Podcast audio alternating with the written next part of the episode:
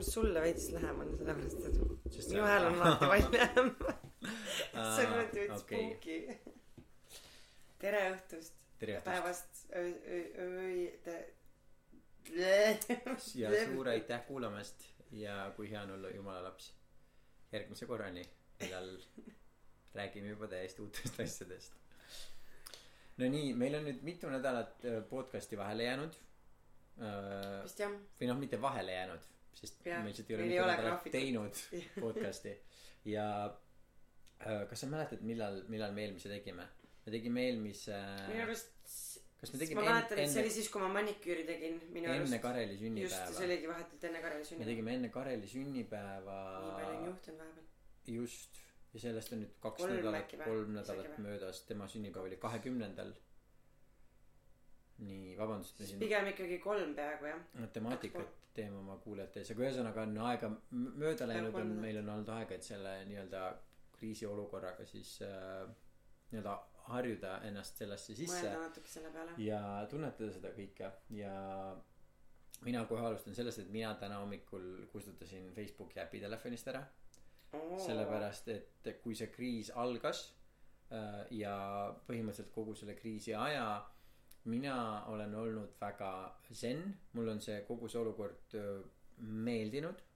selles mõttes, et ma pigem naudin, et meil maailmas siuksed muudatused toimuvad. ja üldiselt mul on võime kõike nagu mingisugust segadust ja kaost, mis maailmas toimub või mis inimeste sees toimub, võime seda kõike kõrvalt vaadata ja mitte lasta ennast sellega kaasa tirida. Aga nüüd viimase paari päeva jooksul ma olen aru saanud sellest, kuidas ma reageerin sellele, mida ma näen, et inimesed Facebookis kirjutavad või kuskil mujal postitavad. et see tegelikult ärritab mind ja ma hakkan nagu noh, palju aega kulutan selle peale, et ma mõtlen seda, et ma tahaksin kas inimestele vastu vaielda või ma tahaksin midagi muud öelda või nagu kõike seda ja siis ma sain eile õhtul aru sellest, et äh, see on tegelikult kõik mõttetu, sellepärast et ega ma kedagi sellega ei aita, kui ma ütlen, et mingi ei, sina eksid ja sul on õigus ja mõelge hoopis selle peale kõike seda. et pigem, et pigem ma mõtlesin, et hoiaks ennast natukene kõrvale sellest kõigest. Äh, mina selles mõttes ütlen, mis ma oskan selle peale öelda. kuidagi Facebook on ammu minust mööda läinud või kõrvale jäänud, ma väga ei kasuta, ma nagu esiteks mul on arvutis peal see programm, mis ei näita sulle seina, mis näitab sulle iga päev mingi tsitaadi aa jaa, sul on see hea asi. Äh, ja telefonis, kuna seal on nii palju nagu, tuleb nii palju mingit muud irrelevantset infot, siis võib-olla isegi kui ma ta korraks lahti teen, kui mul on mingi notification ja korraks võib-olla isegi hakkad scroll ima, siis ma saan aru, et oh wait a minute, see on nii pointless. et ma pigem olen nagu Twitteris või loen uudiseid või olen Instagramis kui Facebookis, et äh, ma ise üldse Facebookis käin väga harva ja käin seal ainult siis, kui mul endal on midagi vaja. või ma olen ise vaadanud, kuidas ma võib-olla siis äh, üle aastate olen veits hakanud teistmoodi sellesse suhtuma, et ma kasutan seda mingisuguse abimeetmena, kui mul on tööl noh, ongi, kui ma vaja- kui mul vaja, kui mul on vaja leida mingeid näitlejaid või mingeid rekvisiite või lokatsioone, et ma kasutan seda nagu selle jaoks, et ma niisama väga seda ei tarbigi. ja ma olen vaadanud ka minu tegelikult lähikondlased ei postita sinna tegelikult midagi, mis oleks niivõrd äh, huvitav, et selles No. mõttes mul ei ole seda vajadust olnud seda otseselt ära kustutada, kuna ma tegelikult ei kasutagi seda väga. vot minul oli täpselt sama olukord kuni selle kriisi alguseni, sest ma üldiselt ka ei kasuta Facebooki, sest mul on see suva mm, -hmm. aga kuna see kriis tekkis, siis mul tegelikult on nagu noh, tõesti suur huvi, et mida erinevad inimesed arvavad mm. -hmm. ja kuna see nagu äh, Facebooki sein on ka nii värvikirev nagu issanda looma, et, et seal on nagu nii palju nagu nii erinevate maailmavaldkondade nagu inimeste arvamusi, siis mulle pakkus see nii palju huvi, et mul on tegelikult iga päev on nagu põnev seda lugeda.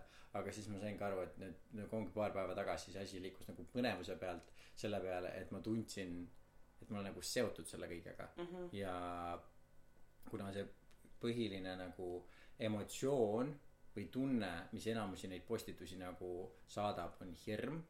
no inimesed, eks ole, kardavad ja siis nad on kas pahased või nad siis nad nagu postitavad mis iganes asja kohta, siis äh, minu vastus sellele, see on nüüd võib-olla väga esoteeriline või väga mina ei tea, mis asi, aga ma nägin seda, et minu vastus, isegi kui ma seda ei postita, ka see, mis minu peas kerkib, on lõppude lõpuks ka hirm, hirmust tingitud, isegi kui see on see hirm, et keegi ütleb seda ja mul on hirm et teised inimesed usuvad seda Jaa, et mul tekib see vajadus et ma pean ütlema midagi mis nagu vastandub sellele. Et selles mõttes mulle meeldibki Twitteri esiteks Twitteris on täiesti teistsugune skeene või selline keskkond. Seal räägitakse teistest asjadest äh, paljud on asjad millest ma ei tea mitte midagi kuna ma ei ole sellega nagu noh ma ei ole seal ka konstantselt või ma käin seal mingi periooditi äh, e- aga see lühiformaat paneb sulle nii palju piiranguid ette et sa ei saa mingit väga detailset paska seal hakata kirjutama. Ja siis seal on siukest äh, äh, pigem huumorile kalduvat äh, huumorile kalduvaid postitusi on seal rohkem et selles mõttes see on nagu toredam. Et seal kerkib esile pigem pigem seal äh, tulevad esile mingid toredad nagu naljad mida keegi on öelnud või mida keegi on arvanud või või siukest või üks puude allapanemist on rohkem mis mulle nagu läheb vist rohkem peale mm -hmm. minul äh, eile ma taas avasin oma Twitteri konto põhimõtteliselt sellesama eesmärgiga mm., sest mul on ka mingid asjad, mida nagu tahaks öelda. Facebooki seinale kirjutada tundub nagu too much ja, ja siis on ka, ja siis on mingid siuksed asjad, mis nagu no ongi siuksed möödaminevad mõtted siis tundub ka, et Just, Instagram, Instagram. Instagram on selle jaoks ka nagu ei ole päris see. jaa, sest ma olen su story sid vaadanud, siis ma olen mõelnud, et nagu just get on to Twitter. Sest et see on ka enda jaoks lihtsalt, ma alguses ei kasutanud seda üldse, ma kasutasin seda enda, mingi periood ma kasutasin seda ainult selle jaoks, et ma kirjutasin sinna imelikke asju, mida, erinevaid nagu imelikke pickup laine ja veidraid asju, mida mehed on mulle nagu pidudel öelnud või mitte ainult pidudel, lihtsalt nagu üleüldiselt. Et mul tekiks endal mingi logi, kuhu neid nagu panna ja üldse mul ei olnud mingit mõtet, et keegi teine neid otseselt peaks nagu lugema. aga no need olid kohati ka humoorikad. et see on täpselt see koht, kus seda teha ja kuna seal ei ole ka neid äh, võib-olla mingis mõttes see suunab seda keskkonda, kuna seal ei ole neid äh, nudity reegleid. sealt ei võeta noh, mingeid asju maha, porri ei võeta maha, onju. Et ta, ta ikkagi, mitte et siis kõik see oleks porno, aga see mõjutab üleüldist sellist käitumist ja nagu suhtlusviisi ka, et sa saad kuidagi seal vabameelsem see kõhkkond on. veits vabameelsem õhkkond mm Mhm. -hmm. ka ja seal võid lihtsalt öelda nagu mingi kuule, Seidi käi perse. noh, ma ei tea väga siit näide. mitte, et keegi ütleks seda kunagi. jah, aga noh, põhimõtteliselt. aga mis, mis need meie üldised vaated siis praegult on kogu sellele olukorrale? no ma olen ammu oodanud meie seda järgmist podcast'i, et mingis mõttes ma tahaks, mitte et ma enam täpselt mäletaks, mis ma olen öelnud, aga võib-olla kõik sõnad selle koroona suhtes tagasi võtta.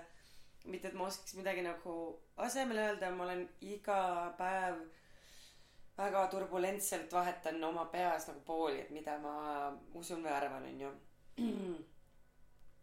et mulle väga meeldib see Rootsi mõtteviis, et äh, selleks, et meil tekiks äh, üldse immuunsus selle suhtes, me, suurem osa rahvast peab selle läbi elama ja nii edasi. samas ma vaatan neid kõveraid, neil on palju rohkem hukkunuid, nii edasi, onju, samas noh, me ei oska seda praegu hinnata, et kuna need, nemad on oma majandust nagu kinni pannud, et mis need äh, tulemused on pärast seda, kui see suurem kriis läbi saab, et me ei tea ju seda keegi, onju. Mhm. et äh, selles mõttes ma nagu ei oska öelda, et me oleme näinud seda kindlasti, et äh, need meetmed, mida on rakendatud, on aidanud kaasa sellele äh,, selle viiruse levikule. samas on see, et mul on tunne, et neid äh, reegleid on vaja nende inimeste jaoks, kes muidu nagu absoluutselt ei adu, mis nagu maailmas toimub või kuidas muidu peaks käituma, onju. Mhm. et ma olen vist nagu lõpuks jõudnud selleni, et ma kuidagi ei oskagi midagi, ma olen nagu ülekoormatud sellest kõigest, ma ei oska enam mitte midagi arvata. vot, aga ma arvan, et see on väga õige ja väga hea koht, sest nagu sa ütlesid ka minul, minul ja ma usun paljudel inimestel on toimunud seesama asi, et sa päeva jooksul suudad nii mitu korda oma nii-öelda arvamusi ja mõtteid vahetada. ja kuna selles olukorras me tegelikult keegi ei tea, mis see nüüd see mingi ülim tõde on, siis see ongi võib-olla kõige targem asi, mida teha, et võtta arvesse, et kõik need arvamused, neis kõigis on mingisugune tõde olemas, aga mitte klammerduda neist ühe külge ja lihtsalt mm -hmm. nagu lasta sellel kõigel olla jah. jah, ja eks ma nagu lasengi otseselt nagu väga palju ikkagi ei ole el- mi- minu elus nagu muutunud mingeid asju. ma pean tegema neid virtuaalkoosolekuid, mida ma nagu vihkan, sest see võtab mult nii palju rohkem energiat kui mingi tavaline koosolek. et seda ma ei tahaks teha, aga muus osas mu elu ei ole, on üsna nagu samasugune. äh, välja arvatud siis see et äh, varsti varsti me hakkame alles nägema mida see nagu meie majandusele teeb onju mm -hmm. ja me oleme sellest ikkagi nii sõltuvuses et mis need asjad lõpuks maksavad. No ja siis ongi ja loed vahepeal erinevaid arvamusi ja siis on ikkagi mingid inimesed kes kes on majandustaustaga ja väga pikalt seletavad ära miks see kõik on nii vale et me oleme kõik asjad kinni pannud. Nagu ka noh paljud mõtted mida me oleme omavahel vahetanud et kui noh et mida nagu töötus tegelikult tähendab kui meil on nii palju töötuid mida see tähendab. Ehm, aga selline huvitav kaalukauss mille ees me ühiskonnana oleme onju et kas mm -hmm. siis nagu need inimelud ja samas me noh seal näeme ja ja ja pluss ka see statistika et kas siis need on inimesed kes surid eh, sellesse viirusesse või need on inimesed kes surid selle viirusega koos kelle organism oli lihtsalt nii lihtsalt nõrgem. Ähm, ja said sellest mõjutatud et ei tea jah. Nojah et see on sama et kui ja samas ma nagu ma nagu loen või nagu ongi vaatad neid story sid ja ma loen neid kõiki umbes et mis mõttes et et aa püsi kodus on liiga vähe öeldud et meil peaks olema palju nagu tugevam kampaania onju siis ma nägin mingeid pilte twitteris et keegi ütles Tartus on täiesti Tartus on mingi siuke kampaania et mingi su vanaema oleks tahtnud ka olla perega koos aga nüüd ta on surnud või a la mingis siukses stiilis onju siis üks tüdruk just kirjutas et aga ma pean tööl käima ma iga päev kõnnin sellest plakatist mööda et nagu mida ma siis pean tundma. See iga noh et minu töökohta ei ole kinni kinni pandud onju ma pean seal käima et mida ma peaks tundma. Et meid ongi nii palju erinevaid mõtteid isiksusi loomusi siin maailmas et väga raske on nagu seda keskteed leida. Et ähm, noh ühesõnaga on palju neid inimesi kes arvavad et see on ikkagi tellivad ainult seda käivad umbes korra nädalas väljas ja võtavad selle Bolti kus on see kile vahele tõmmatud ja on täiesti noh desin- desinfitseerivad käsi ka omas kodus iga viie minuti tagant et no ma ei tea minu jaoks on see ikkagi nagu ma olen selles mõttes ikkagi full on maalaps nagu söö mulda ja ja safeguard'iga ei pese ja see on olnud täiesti nagu out ja noh pigem pead oma immuunsüsteemi tugevdama läbi selle et sa annad talle kogu aeg midagi millega võidelda mm -hmm. ja ja, ja, ja, ja selles mõttes see olukord on nagu nõme et need on mingid asjad mida ma ei julge enam tänapäevases maailmas välja öelda sest sa saad kohe nagu mingi backlash'i onju mm -hmm. et et aga mõtle nende peale kes on nagu nõrgemad jaa ma mõtlengi aga ma tõesti teen kõik selleks et mitte nendega kokku puutuda ma tõesti puutun kokku ainult või või ma ei saa nagu sellest aru et need inimesed kes üldse väljas ei käi ma käisin ükspäev rattaga sõitmas et et ma olen ikkagi nii palju lugenud ja aru saanud et need šansid et kui ma kellestki rattaga nagu mööda sõidan isegi kui meil ei ole kaks meetrit vahet siis see on nagu alla ühe alla ma ei tea null koma viie protsendi võimalus et me teineteist saaksime nakatada mm -hmm. aga inimene peab saama värsket õhku ta peab ta peab liikuma ja nii edasi et kui ma vaatan neid story sid kuidas inimesed on mingi issand täna võtsin ennast kokku üle nädala aja tellisin selle äh, Bolti kus oli see kile vahel ja kus oli see desinfitseerimisvahend et sõita äh, kangapoodi et äh, osta kangast et õmmelda näomask. Äh, okei okay, minu arust see on nagu liiga radikaalne. Vot täpselt et see see on see täpselt asi mis mind on ka nagu palju häirinud on see et mitte mingit nüanssi ei ole. Kõik need kampaaniad ka see et püsi kodus mul on see et okei okay, ma saan aru et üldiselt proovi olla rohkem kodus mm -hmm. vähem teistega kokku puutuda aga ikkagi mingid basic inimvajadused mm -hmm. nagu värske õhk ja liikumine ja mitte isoleeritud olemine on nii nii nii nii tähtsad et sul jääks alles füüsiline tervis ja vaimne tervis et ma saan ühelt poolelt aru ühest poolest aru et see on nagu õigustatud see kampaania et püsi kodus sest me tahame vältida viiruse levikut aga see on muutunud kuidagi nii ekstreemseks et justkui mis iganes hetk sa ei ole kodus sa oled nagu rahvavaenlane jah yeah. ja väga valid question mis kellelgi oli ka kuskil sotsiaalmeedias mitte et ma nüüd väidaks ma ei vouch'i et see on õige ega midagi aga oli just küsimus et aga kas keegi on üldse nendelt vanadelt inimestelt küsinud et kas nad tahavad oma viimased elupäevad veeta isolatsioonis või nad parema meelega siis sureksid sellesse koroonasse niimoodi et nad saavad olla inimestega koos ma ei taha öelda et nagu mm -hmm. see mõtteviis on õige või midagi, aga see on minu arust väga adekvaatne küsimus, mida tõstatada praeguses äh, ühiskonnas, et noh mm -hmm., niigi üks suuri probleeme meie ühiskonnas on see et vanad inimesed on nagu üksildased ja surevad üksindusse tegelikult äh, sellesse depressiooni ja stressi mis sellest tekib seda selle me oleme nagu sellest valemist välja jätnud onju -hmm. et ma mõtlen ka et et et see nagu. suhtumine kõik mis ma kuulen arstidelt ja bioloogidelt ja muidu tarkadelt inimestelt et kui meie eesmärk on see et viirus leviks võimalikult vähe siis jah kõik see millest meile räägitakse kõik mida soovitatakse kõik kampaaniad see on õige aga see on õige ainult sellisel juhul kui see on ainukene osa sellest võrrandist. Aga kui Jah. me sinna võrrandisse paneme juurde et aga mis on selle olukorra tagajärjed? Mis on selle tagajärjed kui inimesed ei saa käia tööl ei saa käia, käia väljas ei saa teiste inimestega kokku saada? Äh, et äh, seda me see pool sellest diskussioonist on nagu hästi-hästi tugevalt äh, välja jäänud ja jällegi kui mingisugused inimesed nagu ma olen ka näinud et mingid inimesed postitavad seda poolt ja siis äh, noh sinna tulevad sellised kommentaarid et sina pea- sa peaksid siis vabatahtlikult minema endale koroonaviiruse saama kui sa arvad et see on nagu mm. noh kuidagi õigustatud õigustatud vaatenurk sest tegelikult on ju see et iga meie igapäevaelus enne koroonaviirust sa kogu aeg aktsepteerid igasuguseid riske. Sa aktsepteerid seda riski et sa võid ja ka äh, viirusriske. esiteks viiruse riske nagunii aga teiseks ka see et sa võid äh, auto alla jääda. Teiseks seda et see õhk mida me li- linnas hingame reostatud õhu pärast sureb aastas rohkem kui kaksteist miljonit inimest ära. Palju rasvumise pärast sureb? Veel rohkem? Just eks ole. Et et nagu aga aga praegult on noh justkui et see jätab lihtsalt sellise mulje ainukene nagu haigus või probleem maailmas on mis on koroonaviirus ja niikaua kui me teeme kõik selleks et sellest ennast eemal hoida siis see on lihtsalt nagu net win. Aga noh see ei saa ju niimoodi olla.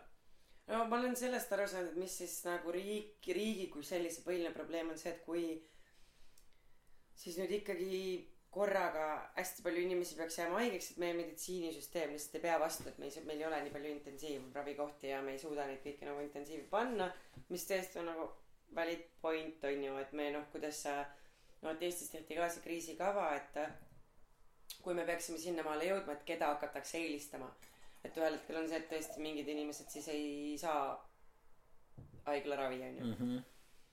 aga noh see muidugi selles mõttes tekitab platvormi järgmisteks di- disku- diskussioonideks et mis see nagu ühiskond üldse on ja millel see nagu põhineb ja mis see meditsiinisüsteem üldse on ja nii edasi onju jaa et jah mul on väga keeruline kuidagi ja mul ongi ka see kellegagi rääkides tahaks nagu rääkida mingitest muudest asjadest aga nagu ei oska sest see on nagu hinge peal sest et tahaks nagu mingit rahu või vastuseid aga ei ole neid nagu kuskilt võtta mm. -hmm.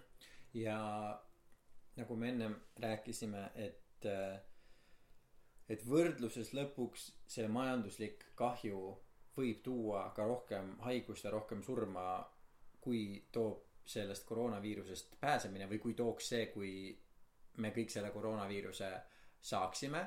ja siis tundub, eks ole, et õigem oleks, õigem oleks eelistada seda, et mingisugune nagu majanduslik heaolu äh, säilib ja rohkemad inimesed nii-öelda äh, päästa sellest tulevast nagu majanduslikust katastroofist. aga siis, kui ma läheksin ühe leveli võrra veel sügavamale, mis võib mõndadele inimestele kõlada natukene nagu õelalt või kurjalt, on see, et äkki on võimalus, et meil reaalselt ongi nagu ühiskonnas sügavamal levelil vaja seda, et meil oleks see majanduslangus ja et meil oleks kõik see depressioon ja kõik need surmad ja kõik see, mis sellele järgneb, selle jaoks, et nagu veel sügavamal levelil aru saada sellest, et võib-olla see suund, kuhu meie ühiskond on liikunud nii pikka aega, on vale suund, et me peame kuskil nagu sügavamal levelil selle mingisuguse muudatuse tegema, et sihuke olukord ei saaks enam tekkida. no sellega ma olen selles mõttes väga nõus, et seda reset'i on no sa ei saa ka konstantselt elada buumis onju Mm -hmm. sa ei saa konstantselt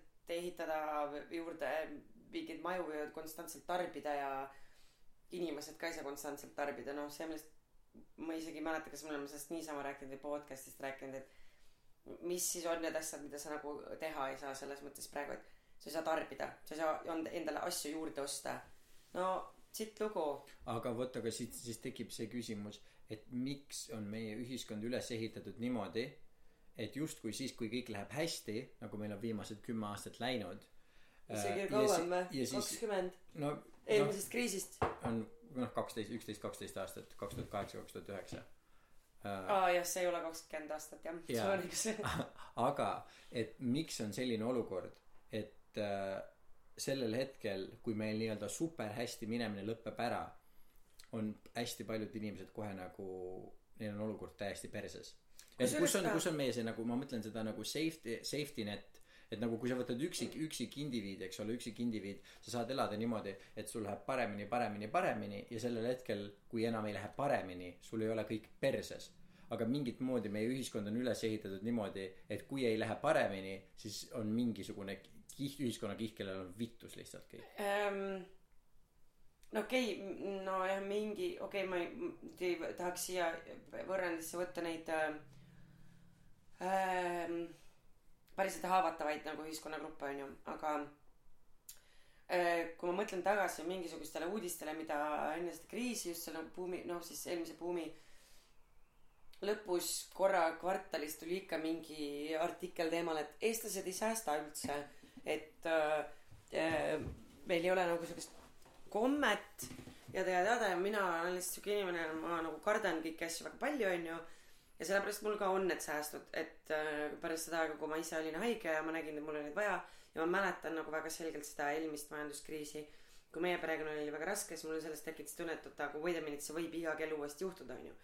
Ja sellepärast ma tunnen ennast praegu nagu kindlamalt aga üldiselt kui ma inimestega suhtlen siis mitte kellelgi ei ole buumi ajal sellist suhtumist et aa aga nagu ma teenin tegelikult praegu väga hästi raha et paneks midagi sellest kõrvale lihtsalt selle jaoks et äkki ühel hetkel ei lähe nii hästi ja üldine majanduslik mõtlemine ju peaks olema ka selline et kui on buum siis sa säästad ja kui on langus mm -hmm. siis sa kulutad mm -hmm. aga see on ka see mida nagu riigid tihtipeale ei omanda vot nagu täpselt vot see ongi see mis ma mõtlen on see et See on vaata nagu riigi majanduse poolt riigi poolt on see suhtumine et ise olite lollid et kuidas teil ei ole nagu raha kõrvale pandud või kuidas te ei ole mõelnud selle peale.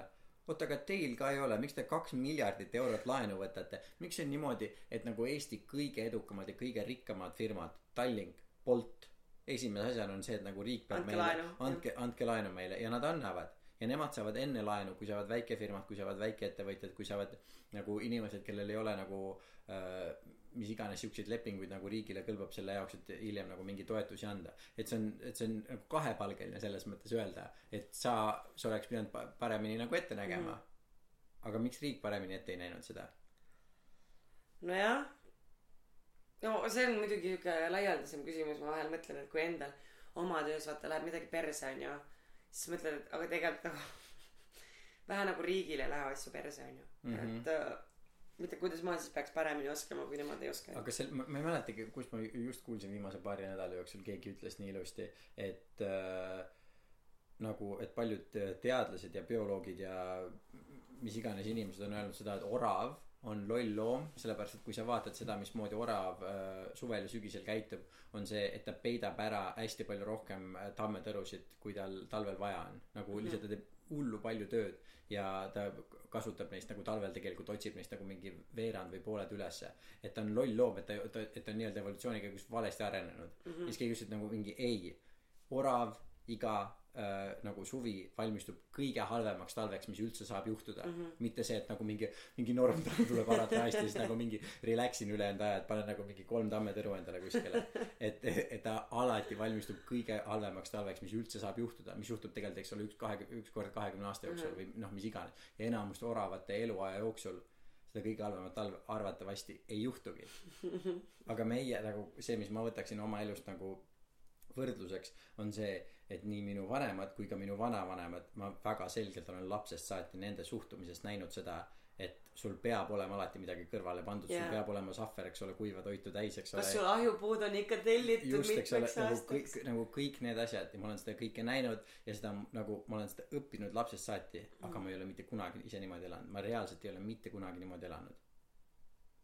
Ma ikkagi ma ikkagi veits olen mm-hmm. no ma- see on üks nagu asi mis no mitte ainult nagu, rahalises mõttes aga ka mingite muude mingit toitu ei ole varunud aga ma tõesti praegu mõtlen et aa okei puud on olemas nagu mingi need asjad on nagu tehtud onju et äh, ja mingis mõttes on naljakas ma mõtlesin käisin vanaema juures millalgi ammu enne ärge muretsege ma ei käinud seal sellel kriisi ajal see oli ammu enne seda Äh, ja ma kunagi norisin teda nagu pikalt et ta oli see et ta ostis alati mingi oo nii hea siin see liha on tänase kuupäevaga et ostan onju panen sügavkülma ja siis mingi et issand sa oled ikka siuke rott onju et äh, no see oli siis kui lapsena siis kui kunagi see mingi periood kui me ri- rikkad olime kui meil oli kasuisa.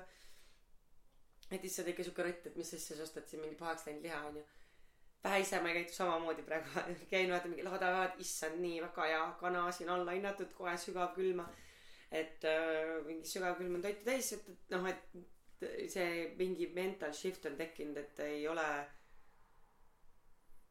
vaja nagu või noh täielik siuke kui ma räägin mingite teiste inimestega siis nad nagu ei no ma käin nagu mingi hea ülepäevapoes ja ostan lihtsalt seda mis vaja on siis mingi et ma ei tea ma käin ka nagu suht võib-olla vahel tihti poes aga ma ostan ainult neid asju mis tõesti on mingi soodushinnaga ja siis ma panen need kõik sügavkülma et siis nagu neid kasutada hiljem sest et kui ma võtan ta ma arvestan välja ja vahel ongi see et ostad mingi liha aga ma jaotan ta ära portsjoniteks ma võtan selle ühe portsjoni välja ja on samas seisus kui see kui ma ta ostsin onju ma sain noh ühesõnaga jaa aga see on vot see see on täpselt see asi mida ma ei tee. Ma olen seda näidet varem ka toonud aga mõlemal korral kui ma kolisin Austraaliasse ma andsin kõik oma talveriided ja kõik mul üle olevad riided ära sest mu peas oli see et mul, mul ei ole kunagi talve enam minu elus. Nagu seda asja lihtsalt ei juhtu enam.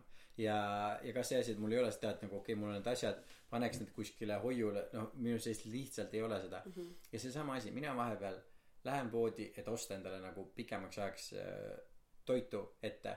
Ja mis ma siis teen? Kui mul on mingi toit ette ostetud ma ei suuda süüa seda ma vaatan seda ja mul on see, see on nii igav. Ja siis mul on see et, et ja siis mis ma teen ma reaalselt teen seda ja ma teen seda kogu aeg on see et mul on hästi suur hulk toitu ette ostetud. Aga kui see mul juba kodus on see on minu jaoks see on nagu mingi taha seda ja siis ma söön nii kaua nagu ikka nagu ostan iga päev mingisugust muud toitu endale ja siis kui mul peaks mingi hetk raha otsas olema või raha vähe olema yeah. siis ma hakkan sööma seda toitu mis mul on päriselt kodu tegelikult ostetud selle jaoks et seda nagu mingi nädal selles mõttes ma okei okay, mul on ka niimoodi et nagu need asjad on igavad aga ma olengi nagu leidnud seal nagu selle kesktee et ma ostan mingid nagu noh need noh ütleme mingi basic liha on mul praegu näiteks mõtleme mis mul praegu sügavkülmas on onju mingi hakkliha äh, kana ja mingid juurikad onju ähm, ja ma ostan sinna juurde siis kas mingit värsket asja või noh et millega mis mida ma saan niimoodi et oo ma lähen ostan mingi juustu onju mingi spetsial juustu teen sellega mingi fucking pada onju. Et ma teen selles mõttes selle kaudu selle põnevaks aga mul need basic asjad on nagu ikkagi ma ei pea kõiki asju mis ma selle toidu sisse panen ostma korraga aga ma võtan siit sügavkülmast selle hakkliha mis muideks on see mahe või see hakkliha mille ma ostsin Prismas siis kui see oli miinus viiskümmend protsenti sest et see oli viimase kuupäevaga. Ja siis ma teen lihtsalt seda ja siis ma mõtlen et nagu mis ma siia juurde tahaks tahaks seda lähen võtan seda poest. Kui ja muideks peamiselt ma käin kassisaba poes sest ma usun sellesse et äh, muidugi aa see on ka üks teema selle koroonaga on vahel vaata tekib siis tunne et äh, nagu ka selle kodus kodukontor ja kõik asjad onju et enamus asju mis inimesed postitavad äh, sotsiaalmeedias ja story des on issand look at me nii lahe mina kodukontoris mingi et yeah been here for like three years. Selles mõttes et minu jaoks ei ole see different onju mingi oo oh, vaata et mingi nüüd olen säästlikum ja mingi toetan eelistan eestimaist mingi sa enne ei eelistanud või? Nagu juba aastaid sa peaksid ostma nagu eelistama eestimaist kaupa kui sul see võimalik on onju või sa peaksid eelistama mis iganes mahedat või nii. Ma juba mingis mõttes aastaid käin teadlikult kassisaba poes sellepärast et ma väga hindan et mu kogukonnas on olemas selline pood. Äh, ma näen et nad on väga äh, vastutulelikud sellele või, või mõt- vastutulelikud sellele mida kliendid tahavad onju vaadata siis mis nende sortiment on seal on kõik olemas. Jah seal on asjad äh, kallimad. Mina saan seda mingitel hetkedel endale lubada siis jumala eest ma käin pigem seal kui et lähen mingisugusesse ma ei tea korporatsiooni poodi ja viin selle raha nagu Soome Rootsi või kus iganes onju mm -hmm. ma annan selle sellele kuradi vene mehele kes on terve elu seda poodi pidanud ma tean teda lapsest saati jumala eest nagu ta teeb jumala tänuväärset tööd mm -hmm. ja mul on selles mõttes nagu parem tunne mul ei ole see tunne et oo oh, jess kuidas sääst- säästsin vaid et jaa ja ma tean et tal on nagu ma näen ta poeg töötab seal poes onju ta naine ta naise sõbrannad onju see on kuradi fucking family business. Muidugi ma annan oma raha neile. Jaa vot see on äh, see asi et nüüd räägitakse sellest et nagu proovime toetada eestimaiseid mingi noh ongi see on jällegi vaata see on nagu see nagu sa rääkisid sellest näitlejate asjast. See on see nagu mina vaatan kõiki neid ülejäänud inimesi äh, sotsiaalmeedias kes nüüd nagu nii-öelda vaata võtavad endale seda eh, kreditit, et "Ah, vaata, kui tubli ma nüüd olen, et ma mingi esiteks püsin kodus ja teiseks äh, toetan kodumaist ja mingi buy local ja mingi tellin äh, kodumaistest restoranidest toitu mingi, enne ei teinud seda või? munn oled järelikult. mhmh, täpselt. see on väga hea, kohe, nii on ikka ennast küll nagu käima tõmmata. ise ja väga ja täiesti tühja koha pealt. aga ma lähen nüüd natukene selle eelmise teema juurde tagasi ja see tu- seostub lõpuks sellega on see et nagu me ennem rääkisime et võib-olla see kogu see katastroof on nii-öelda meie maakeral vaja tunda et aru saada et mis on need asjad mis me valesti eks ole teeme. Ja praegult ma väga tugevalt tunnen et nagu lühiajalises baasis eks ole me tegeleme sellega et toetame kodumaist eks ole. Et oleme rohkem nii-öelda äh, kitsam kitsamal äh, pinnal nii-öelda äh, tegeleme. Aga maailma mastaabis on nii-öelda kaks haru kuhu me praegult saame liikuda. Ja üks nendest harudest on see et nagu teeme kõik selleks et see viirus nii-öelda võimalikult ruttu välja suretada ja äh, ja sellest nii-öelda puhtaks saada. Ja ja siis nii-öelda proovime proovime nii-öelda kasutusele võtta võimalikult palju äh, sotsiaalseid meetmeid selle jaoks et kui peaks veel mingisugune selline asi tulema et siis maailm nii-öelda saaks sellega sellega hakkama.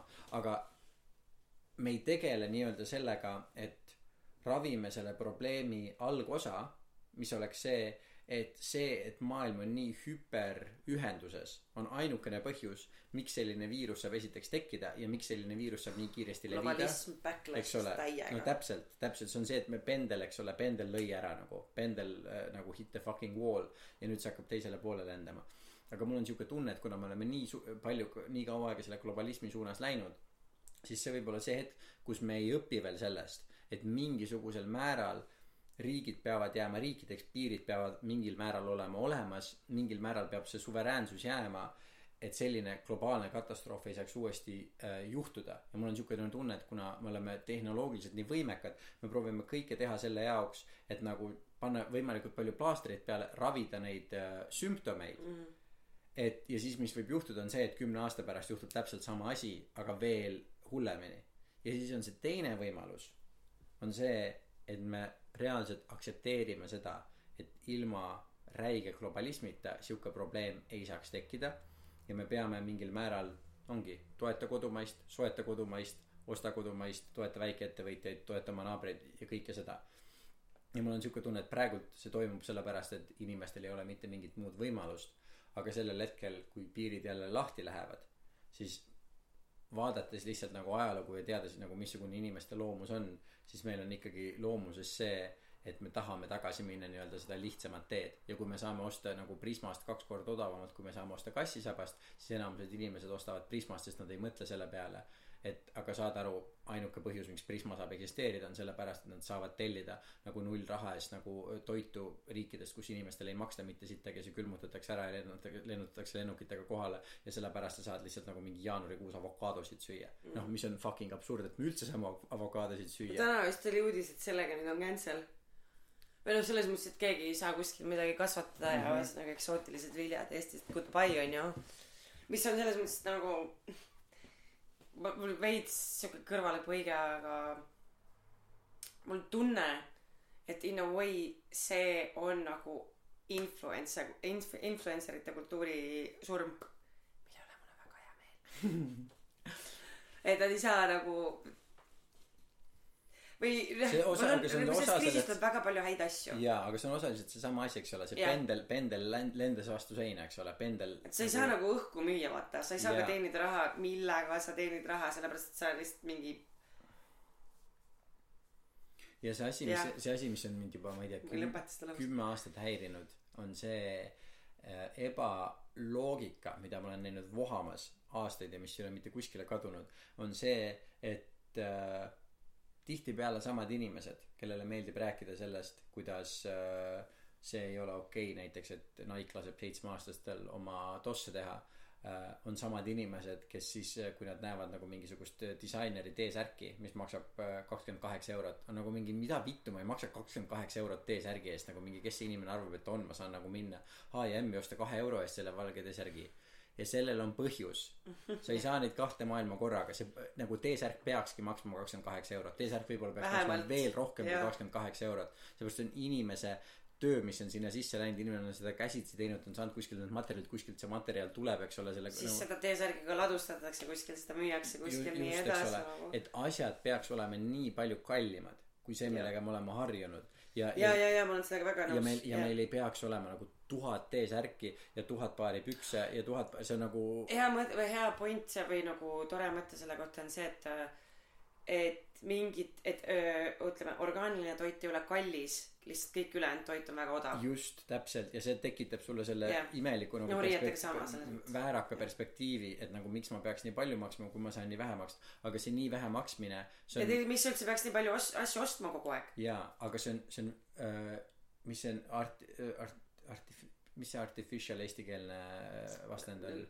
Tehislikult see on tehislikult tekitatud olukord et see asi maksab nii vähe sest see tegelikult ei maksa nii vähe. See tegelikult ei maksa nii vähe.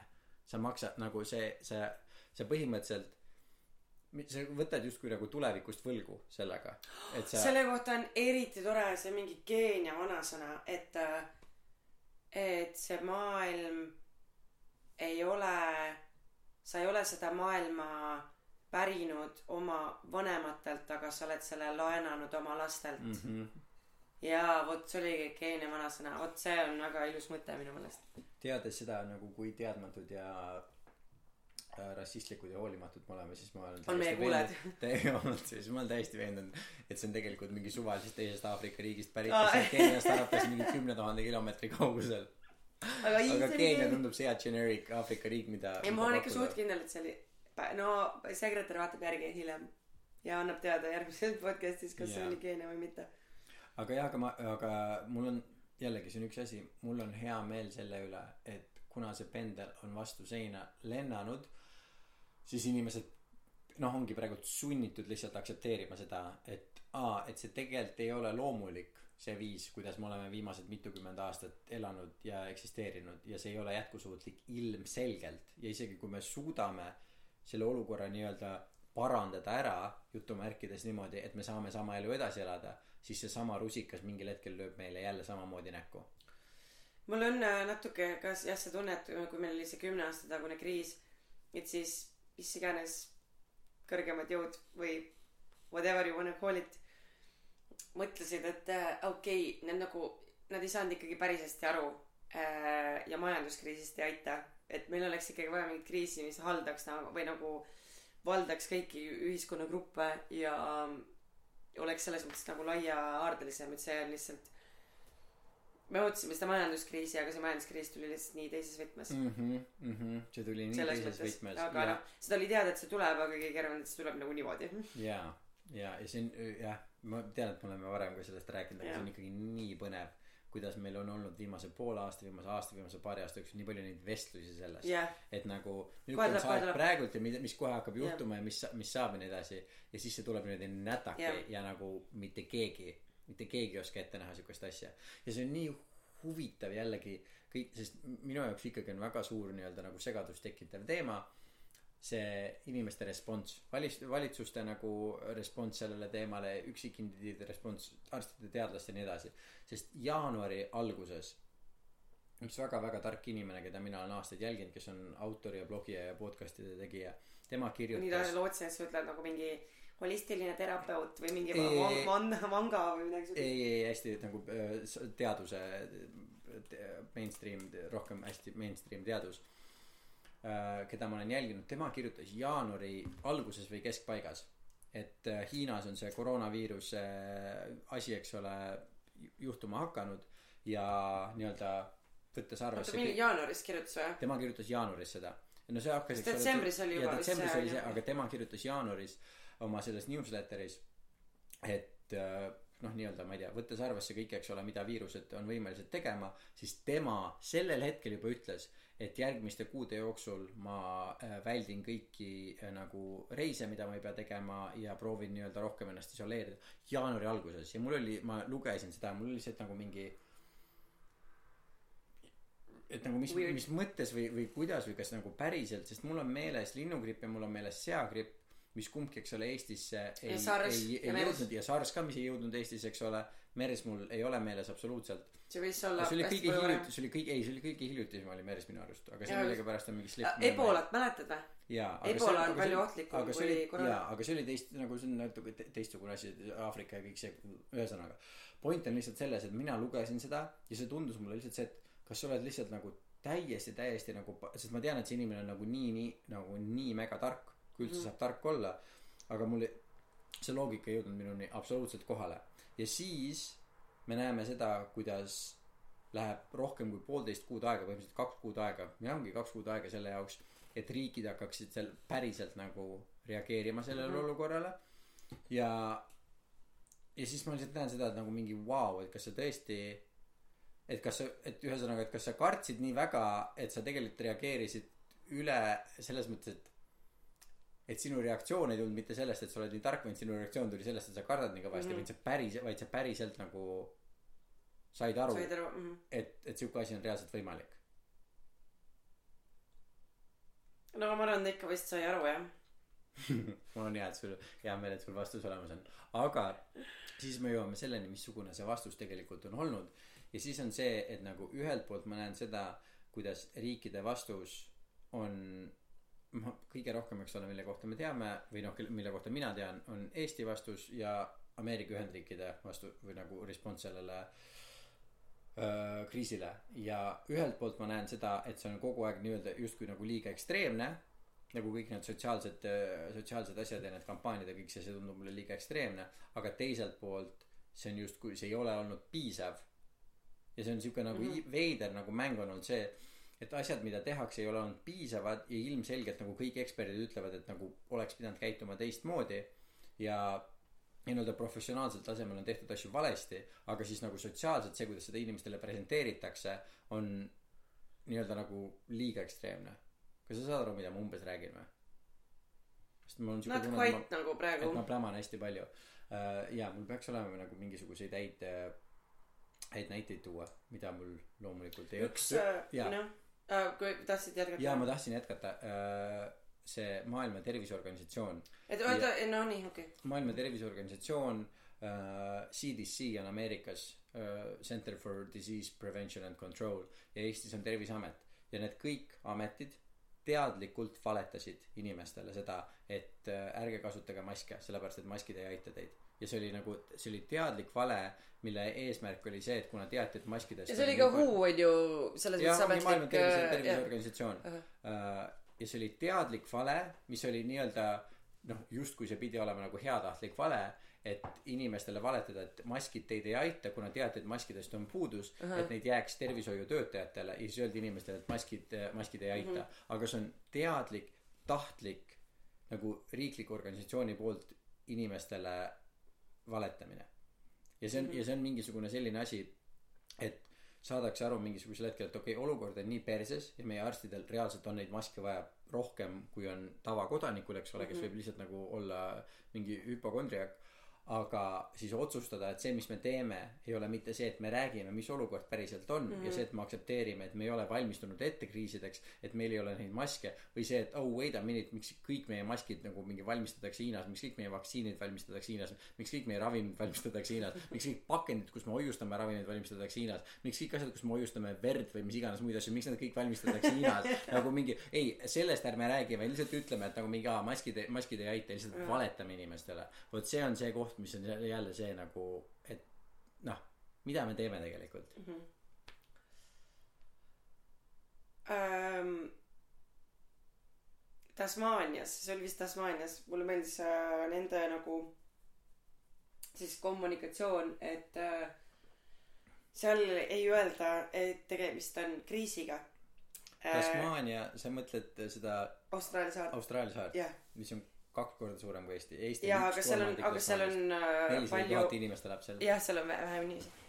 Ehm, et neil on eriolukord aga kriis ikkagi tähendab seda et inimestel ei ole süüa ja nagu noh mulle lihtsalt meeldis see mõte et et ka nagu et mul on tunne et see et oh, meil on kriis meil on kriis et nagu kas kas kas on? Ähm, et jah meil on eriolukord aga me ei ela ikkagi nagu tegelikult me ei ela kriisis mm. -hmm. See on jällegi üks asi, minul ei ole õrna aimugi, ma saan aru, et igal pool ma kuulen ka. ja nüüd ma ütlen, et see ei pru-, see võis olla mingi muu riik, sest ma vaatasin lihtsalt mingit ringvaatejutte, kus räägiti mitmest äh, ei lihtsalt seal olid nagu mingid ühendused mingite inimestega mm. -hmm. pigem oli Tasmaania, aga see võis olla mm -hmm. midagi muud aga ütleme lihtsalt kohe ära, et Tasmaania ei ole riik, vaid üks osa Austraaliast no siis Tasmaania saar. kui Saaremaa on. jah, seda öeldi ka seal uudistes. aga, aga kui mina lähen Selverisse, siis mina kuulen. täitsa perses kuulen..., ma käisin seal Sõve, selle Selveris, seal oli siuke laulupidu üks päev. no lihtsalt, ja okei okay,, see ma pean kohe lihtsalt vahele sulle segama ütlema ära mind selles mõttes, et ma olen ammu oodanud, on ju, selles mõttes seda eriolukorda, et tuleks aeg, et saad rahulikult käia poes. keegi ei ela sul seljas, on ju, kui sa valid juustu.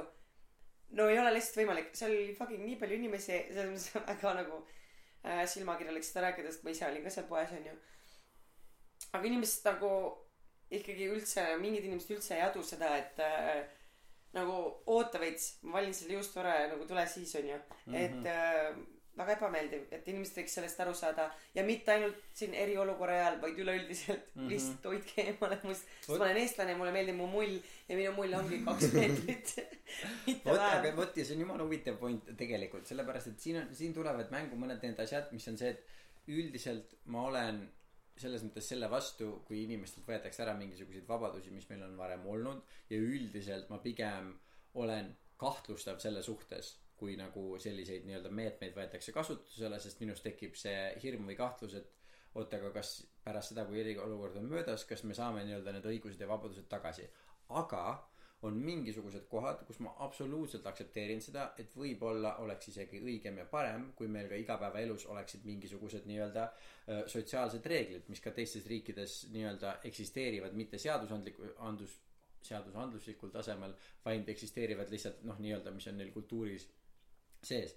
Ja täna näiteks kui ma lähen Selverisse ja seal selle nende uste ees seisab see mees kes turvamees teeskleb et ta on turvamees. No see ei ole mitte turva nagu mille turva ma tahaks tõesti teada. Ma võin Selveris on vist see sild et ainult viiskümmend inimest võib korraga poes olla. aga aga aga see on mingi ja siis ta ütlebki et praegult ei ole nagu on peate ootama kuni mõned inimesed tulevad mm -hmm. poest välja.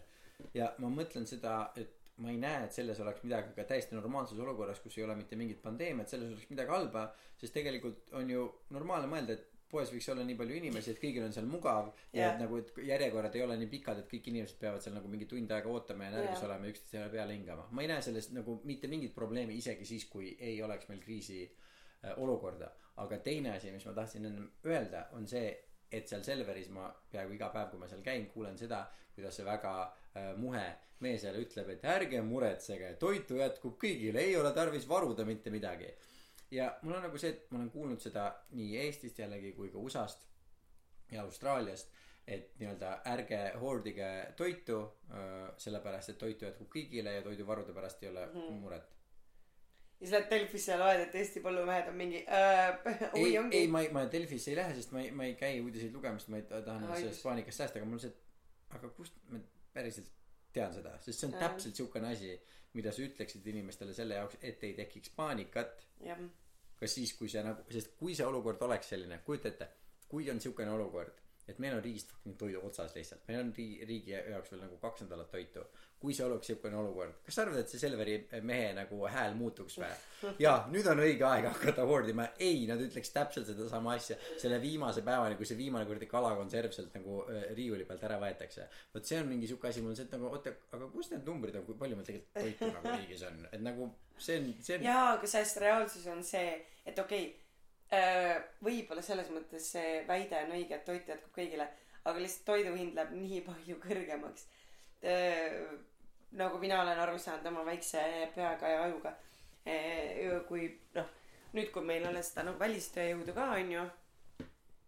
Need palvehelmed saadavad kõik selle välja siit onju. et siis ei ole sul kedagi, kes need asjad sul maasse külvab ja siis sul ei ole suvel ka neid kedagi, kes need nagu arvestab onju ehk siis varem, ma ei tea, mis see maasikakilo oli, varem viis eurot on ju, nüüd ta on nagu kümme eurot siis kilo on ju. et jah, seda toitu jätkub, aga mis hinna eest, kellel seda raha on, et seda osta. just, et see läheb aina kallimaks, sellepärast et seda jääb aina vähemaks, odavat tööd on aina yeah. vähem ja inimesed jäävad iga päev aina rohkem töötuks ja yeah. nende säästud aina kahanevad. nii et meil tekib aina rohkem see nii-öelda nagu vahe inimeste ostujõu ja reaalsete asjade nagu kalliduse vahel jah see Ja on reaalsus see juhtub tegelikult jaa aga ja, ja see on ka mingi asi mis nagu me ei räägi seda aga vähemalt kõik need inimesed kes on nüüd nädalate kaupa vetsupaberit kokku ostnud saavad seda süüa. Jaa sellepärast et see on väga maitsev. Äh, ja ainult sellepärast et see oli lihtsalt nii nämma jaa ja aga ja, ja me ei, ei räägi seda absoluutselt sellepärast et külvata kellestki paanikat vaid need on reaalsed nagu mõtted mis siukse olukorras pähe tulevad ja mul on nagu siiralt on see mõte kui palju on siis meie riigis toitu? Või nagu mingi oot korraks mis see nagu mis ja ja samas nagu ma olen käinud poes ja vaadanud onju näiteks vaatad mõnda tatrapakki onju kust see tatar tuleb? Tead et pool tatart tuleb ta- Hiinast. Jällegi appi Hiinast. Jaa. Muidugi tuleb. Aga ma olen tatrapõldu näinud. Ma olen tatrapõldu näinud ja ma vaatasin seda tatrapõldu ja ma mõtlen seda et okei okay, see on väga suur põld. Aga ma näen nagu miks see tatrataim või ma ei tea mis selle kohta isegi öelda. Nagu terve selle põllu pealt saangi mingi paki tatart nagu see ei hoia nii kus seda tatart nagu see on noh saad aru kui sa võtad nagu mingi kilose paki tatart seda on ikka nagu no jaa aga kui sa vaatad näiteks kuradi äh, nisu kasvab onju. Kui palju sa pead reaalselt nagu seda asja mis maa seest kasvab töötlema et sellest saaks sai. Mhm. Milline see protsess on onju. Ja mingis mõttes ma mõtlen et oot ma tean et see kõlab hästi jaburalt las ma ütlen lihtsalt vahele ja sellepärast ma alati ütlen nagu inimestele ei et te saate lihtsalt saia saab lihtsalt poest. Unustage ära see lollakas protsess.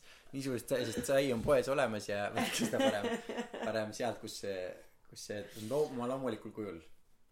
Et äh, ühesõnaga kui palju nagu peab selleks vaeva nägema et sealt seda nagu sööki saada ja mul hästi paljude nende asjadega samamoodi nagu mingi viiruste levik ja nagu nii edasi onju kui ma nagu väga kõvasti meenutan siis ma olen tegelikult koolis õppinud neid asju aga nagu it doesn't cross my mind mm. -hmm. in this world anymore onju Mhm. et et kuidagi täpselt ei saa aru et et mis ikkagi on nagu põllumajandus ja ja miks on meile nagu mingi põllumajanduskindlus oluline ja ja nagu nii nagu kriisiolukorras tuleb nagu esile nii palju asju et aa wait a minute jaa Mhm. ma tegelikult tean seda nagu ma tean kuidas Mhm. töötab jaa aga sellega on hästi nagu vaat lihtne selle elu käigus ära ei aga unustanud sellega on see selle sorry selles mõttes see on üks nendest asjadest mille eest ma olen nõus aktsepteerima null protsenti vastutust sellepärast et see on lihtsalt perfektne näide sellest kui sitt on me- meie haridussüsteem just eks ole sest meie haridussüsteem õpetab meile asju sellisel viisil mis ei ole loomulik ega omane nagu omandada. inimloomal öö, omandada. See on ab- abstraktsed ideed ja mõtted. L- noorele lapsele on mõttetu pask see on lihtsalt sõnade sõnade nagu kuradi visk- viskamine eks ole see ei tähenda mitte midagi. Et see on lihtsalt puhas nagu haridussüsteemi purjus inimene räägiks sulle peale midagi midagi ei saa aru. Pask täpselt. Ja ja noh ongi aga oma nagu vanematelt ja perekonnalt ma olen nagu väga hästi õppinud neid asju et nagu sa ei viska toitu maha ja nagu sa ei raiska toitu ja ja kõike seda nagu väga nii-öelda praktilistel äh, viisidel. Aga meile nagu siukseid asju ei- jah ei õpetata praktiliselt. No veider on see et võiks mõelda et nagu no mina mul oli kodundustund onju. No poistel oli see tööõpetus. Sõjandus. Ei nagu õppisid seda puutööd mille vastu mina ma olin ikka koolis nagu rets protesteerija onju ma protesteerisin kõige vastu mille vastu andis protesteerida niimoodi et mis mõttes ma pean kuduma kui ma tahaksin tegelikult nagu seda lõikelauda teha. siis meil oli üks veerand oli see et me saime puutööd teha see oli mega fun. Ähm, õppisime tegema nagu mingi kuradi kreembrüleed ja ma ei tea mida kõike veel onju. Keegi ei rääkinud sellest et tegelikult mingi mm, fermenteerimine onju soolamine hapendamine esiteks su organismile mega kasulikud asjad. Teiseks toidu säilitamiseks. Üldse et sul võiks olla kodus sahver. Tundub nagu nüüd tagantjärele mõeldes kõik need asjad on nagu nii loogilised mis vanaemal kodus olid onju. Oli sahver ja siis nagu kohe oli näha et nagu kakskümmend aastat mingit nälga ei tule. Ja seal oli kõiki asju mingi paradiisiõunad siin on meil nagu kompotti pandud onju. Siin on need asjad need asjad nagu kõiki nagu vilju mis sulle suvi andis sai kuidagi panna potti ja tarbida mm -hmm. nagu aastaid hiljem ja kuhu me nüüd oleme jõudnud onju see asi mis on minu jaoks veel ah, naljakas võib-olla ei ole see sõna aga äh, kuidagi eksistentsiaalses mõttes kõige rohkem rahuldust pakkuv idee ja see käib ka selle pendliga seoses on see et need inimesed kes kaks kuud tagasi aasta aega tagasi viimase viiekümne aasta jooksul on olnud kõige vabameelsemad inimesed kõige rohkem inimesed kes aktsepteerivad seda et teised äh, rahvused religioonid äh, tulevad äh, meie riiki kes on kõige avatumate ustega kes on kõige piirivabamad. On nüüd need inimesed kes kõige karmimalt ütlevad seda et püsi kurat kodus. See on minu jaoks lihtsalt sihuke siuke life irony või? See on li- see life irony aga see on täpselt seesama asi et inimesed on oma uskumusest läinud jällegi seesama pendel. Sa oled oma uskumusest läinud nii äärmustesse et see on võimatu siin seal äärmuses väga kaua püsida sest elu lihtsalt mingil hetkel ütleb ja ma noh ma arvan et see globalismi asi on täpselt noh täpselt seesama asi eks ole. See on jälle see et kui midagi on liiga palju siis seda on liiga palju. Täpselt. Ja ja see pakub mulle väga palju nalja. Ja ma sa- ma saan aru et inimestel on nii-öelda õigustus selle vastu et aa see on lihtsalt praegult sellepärast et on selline olukord aga nagu sellel pendlil on suva mis sa nagu seletad et see olu et see olukord miks me praegult sinnapoole lendame on nagu sellepärast et nagu suva pendel ikkagi lendab sinnapoole. Ja see on sama asi sellega et kõik need inimesed kõik need inimesed kes veel kaks kuud tagasi ja kuu aega tagasi ja ka praegult oma suusõnaliselt ja oma kirjades vihkavad väga-väga EKRE-t ja kes aasta aega tagasi olid väga-väga-väga pahased selle peale et EKRE sai valitsusse on needsamad inimesed kes praegult teevad iga oma kommentaariga iga oma sõnavõtuga iga oma kampaaniaga teevad tegelikult EKRE eest nende tööd. Ja see on jälle siuke asi et sa võid nagu nii-öelda seletada ja vabandada et nagu et aga see on lihtsalt see olukord ja ma proovin inimesi sellest ma saan aru et see on see mis see mis see on aga see on ikkagi see on see mis sa teed ja see on jällegi siuke nagu lihtsalt elu elu iroonia ja ja ma tean et inimesed ei taha mõelda selle peale inimesed ei taha aktsepteerida seda. Aga see on äh, elu ise tuli ja määris sulle määris moka peale sest elu teeb ikka nagu jaa nii nagu ta teeb. Ja see on mingi asi mis annab mulle tõesti rahulolu. Mulle annab rahulolu see et ähm, ja ma olengi juba nagu pikemalt liikunud selles suunas ma ei ma ei taha öelda minimalism sest ma ei ela minimalistlikku elu onju aga mingis mingil tasandil mul on ikkagi tunne et ma kas just tahan sinna liikuda aga ma mingis mõttes ikkagi liigun sinna. Ma tahan et mul ole mul on alateaduslikult pe- mingis mõttes ka teaduslikult liikun sinnapoole et ma tahaks et mul oleks niimoodi et ma peaksin kasutama võimalikult vähe tooteid. Et mul ei ole vaja mingit näotoonikut siis mingit ma ei isegi tea mis need kõik asjad on sellepärast et ma ei kasuta neid onju. Ma ei kasuta kõiki neid asju ja noh vahet ei ole mis kõik need valdkonnad on ma ei kasuta mingit sadat erinevat asja millega pesu pesta. Ma ei kasuta nagu äh, sadat See- erinevat maitseainet ma ei tea onju. Ma ei tea mis kõik asjad on onju. Ma ei kasuta neid asju. Et nüüd ma tunnen nagu väärikus. lõpuks ühesõnaga esiteks ma olen õnnelik selle üle et ma olen introvert. Lõpuks maailm on nagu minu poole onju. Mhm. ja selle mini- minimalismiga tunnen ka seda et mul ei ole seda vajadust et äh, oh my god ma ei saa juuksurisse ma ei saa ripsmetehniku juurde minna ma ei saa küünetehniku juurde minna. mul ei ole nagu neid tooteid mida saab just sealt spetskohast. Mul on kõik olemas nagu. Ja kui vaja ma saan nagu kõik asjad seebikaubaga pestud ja seep ikka saab kassisabapa eest ja kassisabapood on ikka lahti. Et äh, olen väga tänulik iseendale või tähendab mineviku Laurale et mineviku Laura on teinud ühel hetkel need otsused et võib-olla sul ei ole nii palju asju vaja elus ja nüüd äh, tänapäeva Laura on mingi ja sul ei olegi neid asju. Sul ei olegi neid vaja. Ja sa ei saagi neid mitte kuskilt. Nii et well done mineviku Laura aga well see int- see introverdi asi mis sa ütlesid see käib täpselt sellesama pendli asjaga ju kokku et maailm on aina rohkem läinud sinna eks ja ja järjest järjest expansion ja jälle sa jõuad selle ekstreemsuse saad kätte ja hakkame nüüd on introvertide aeg pärast meie viimast podcast'i üks meie kuulaja. Ja anname talle lihtsalt koodnime minu ema. Mida see üldse on su ema sest et no ja see on see tema üks tema siis kolmest kirjutas meile et et et ma ajasin ikkagi natukene lolli juttu et äh, tõesti või? Sina ja siis mul oli see et mis asja. Mida sa räägid? What? Et äh, kuna ise ta me sind kasvatas? kuna me ütlesime Tervitused. seda äh, kuna me ütlesime seda et enamused need inimesed on ikkagi vanainimesed Ah. kellele see koroonaviirus külge hakkab ja mina tahaksin lihtsalt äh, öelda üle et kuigi jah on olnud inimesi nii noori keskealisi kui ka ka lapsi beebisid. Ka beebisid kes on lisaks vanadele inimestele selle haiguse äh, saanud äh, või selle tagajärjel viiruse siis me peaksime Viiruse. tegelikult ütlema vist ei see on kaks erinevat asja. Viiruse viirusest tekib haigus. Just viirus on SARS-CoV kaks ja haigus on Covid üheksateist või? Just. Jah ja see kui keegi tahab et me selle lahti kodeer- kodeeriksime siis see guugeldage. CO on koroona. Jah.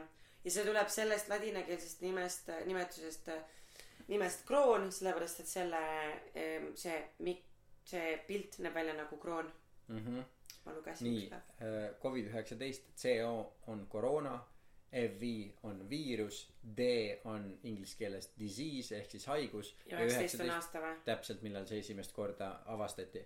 Ja ja, ja SARS-CoV kaks on see viirus mis siis seda haigust Covid üheksateist põhjustab.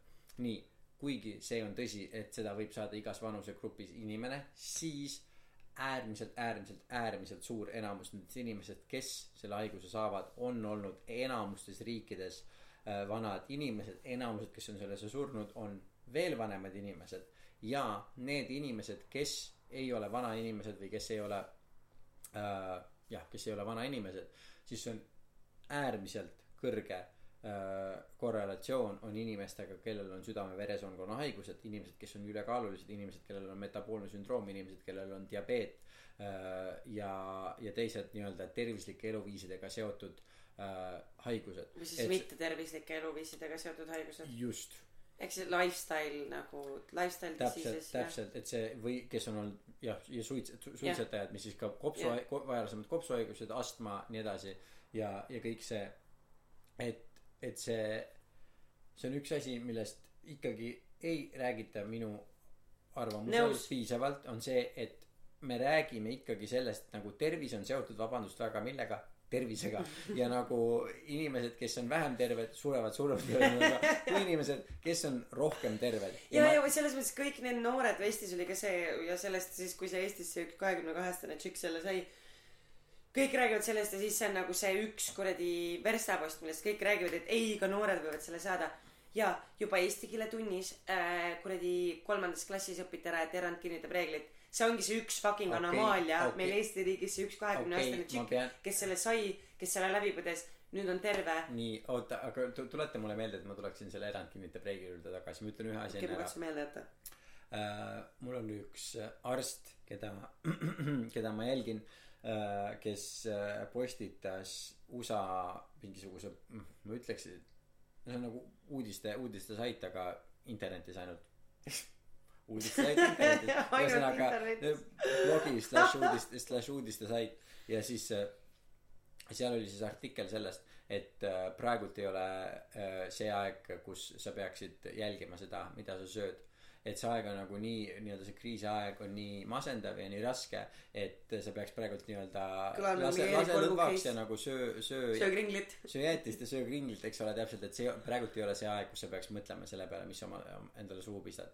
See on nagu see et meil ja on sest munni ilmselgelt ei saa pista. meil on nii selge informatsioon olemas selle kohta kuidas teatud elustiilidega ja toitumisharjumustega seotud haigused on väga väga väga tugevalt seotud sellega kui suur tõenäosus sul on äh, saada raskeid sümptomeid jääda haigeks ja selle haiguse kätte surra? Ja siis inimesed ütlevad nagu mingi ei ei ei praegult on nii raske aeg ära küll selle peale mõtle kas sa sööd kringlit või sa ei söö kringlit et see on jällegi see on nii ajuvaba ja absurdne kes asi. see vend oli see nagu mingi esimene vend see kes meditsiini lõi kes ütles et äh, tervis äh, tuleb toidust? Just toit äh, to, olgu toit sinu äh, ravim Ravi, ja ja Või ravim sinu toit. jah ja ja ju millal ta ütles Hippokrates. aastal mingi nelisada aastat enne Kristust kolmsada nelikümmend umbes ma ütleksin enne Kristust no jah. ma ei pannud väga palju mööda Jaa. siis ja palju meil meil siis mööda läinud kaks tuhat nelisada aastat ja me ei ole siiamaani aru saanud või jaa täpselt ja me unustame selle kogu my aeg mind nagu kogu aeg ära äh, et et ühesõnaga et see on absurdne et nagu kas kas tõesti on nii, kas on tõesti nii raske tunnistada et nagu meie tervis on seotud meie tervisega ja tervis on seotud ka haigustega üllataval üllataval kombel? Et see on lihtsalt absurd siukseid asju näha ja see kuidas inimesed vabandavad et nii ma ei tea praegu on nii stressirohke aeg las ma nagu õgin jäätist kuigi ma olen nagu mingi eeldiabeedik juba. Nagu okei okay. ja siis sa sured ära kui sa oled kakskümmend kaks siis inimesed ütlevad aga vaata kahekümne kahesed ka surevad ära. Nii aga nüüd Laura mul on väga kahju aga ma pean vastanduma siin millelegi mida sina ütlesid. Sellepärast et sa tõ- tõid mängu ühe minu minu nagu inglise keeles öeldakse pet peeve'i mis on siis ütlus et erand kinnitab reeglit ja seda öeldaksegi inglise keeles uh, the exception proves the rule. Mm -hmm. inglise keeles on uh, see sõna proves ja eesti keelde on see sõna meil öeldakse eks ole et see on vanasõna aga mina ei tea kas öeldakse mina lihtsalt ütlesin et eesti keeles öelda kuna eesti ja. keeles on nii palju erandeid mm -hmm. siis on see et eesti keele õpetaja mm -hmm. ütles seda et ma muudes ja kontekstides seda väga päris ei tea ja mina olen ka mina olen ka seda seda kuulnud palju eesti keelde on see ütlus tulnud inglise keelest see see ütlus ei ei ole äh, elanud meie maailmas väga kaua nii ja see nüüd nagu some of our listeners will be blown away sellepärast et see on fantastic stuff issand äh,, siis ma pean pärast sulle hoopis teise asja see. nii äh,, see ütlus tuleb äh, ladina keelest ja ladina keeles see sõna, mida kasutatakse, on provare ja provare tähendab testimist ja katsetamist ja äh, nii-öelda mm, surve, surve alla panemist. ja see ütlus tuleb äh, vanast Roomast, kui Cicero, kes on väga kuulus mees, kelle nime kõik on arvatavasti kuulnud, kes on, ongi, nad kuni ma ei tea, kuuenda või seitsmenda klassini koolis käinud, äh, kes oli üks suurim nii-öelda äh, seaduste tegija, kes oli advokaat ja nagu nii-öelda võimas, võimas riigimees Roomas. ja tema kasutas seda ütlust äh, kohtuasjas, kus ta siis kedagi kaitses. Ja provare tähendab testimist. Ja ladina keeles see originaalne ütlus ei ütle mitte seda, et erand kinnitab reeglit, vaid see ütleb seda, et erand testib reegli kehtivust erand nii-öelda paneb reegli äh, surve alla ja testi-, paneb reegli proovile täpselt.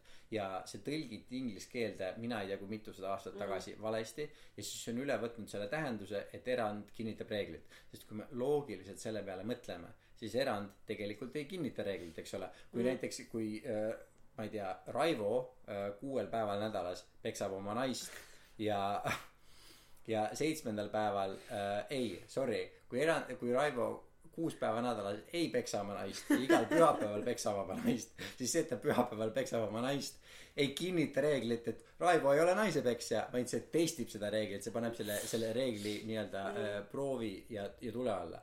aga see on mingisugune asi, mis on meie keeles nii üle võetud, mina ka koolis mäletan, kuidas seda kogu aeg öeldi. aga lihtsalt, mis ma tahan öelda, on see, et see ütlus on väär, sest see ei ole tegelikult see, milleks see ütlus loodi, see on vastupidine.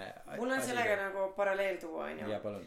ja kuna mul on olnud vahepeal mälukaotus, siis äh, tuleta, aita mind välja, kes oli see, kes ähm, rääkis äh, meie arust siis teooriast äh, survival of the fittest. Äh, kaks meest.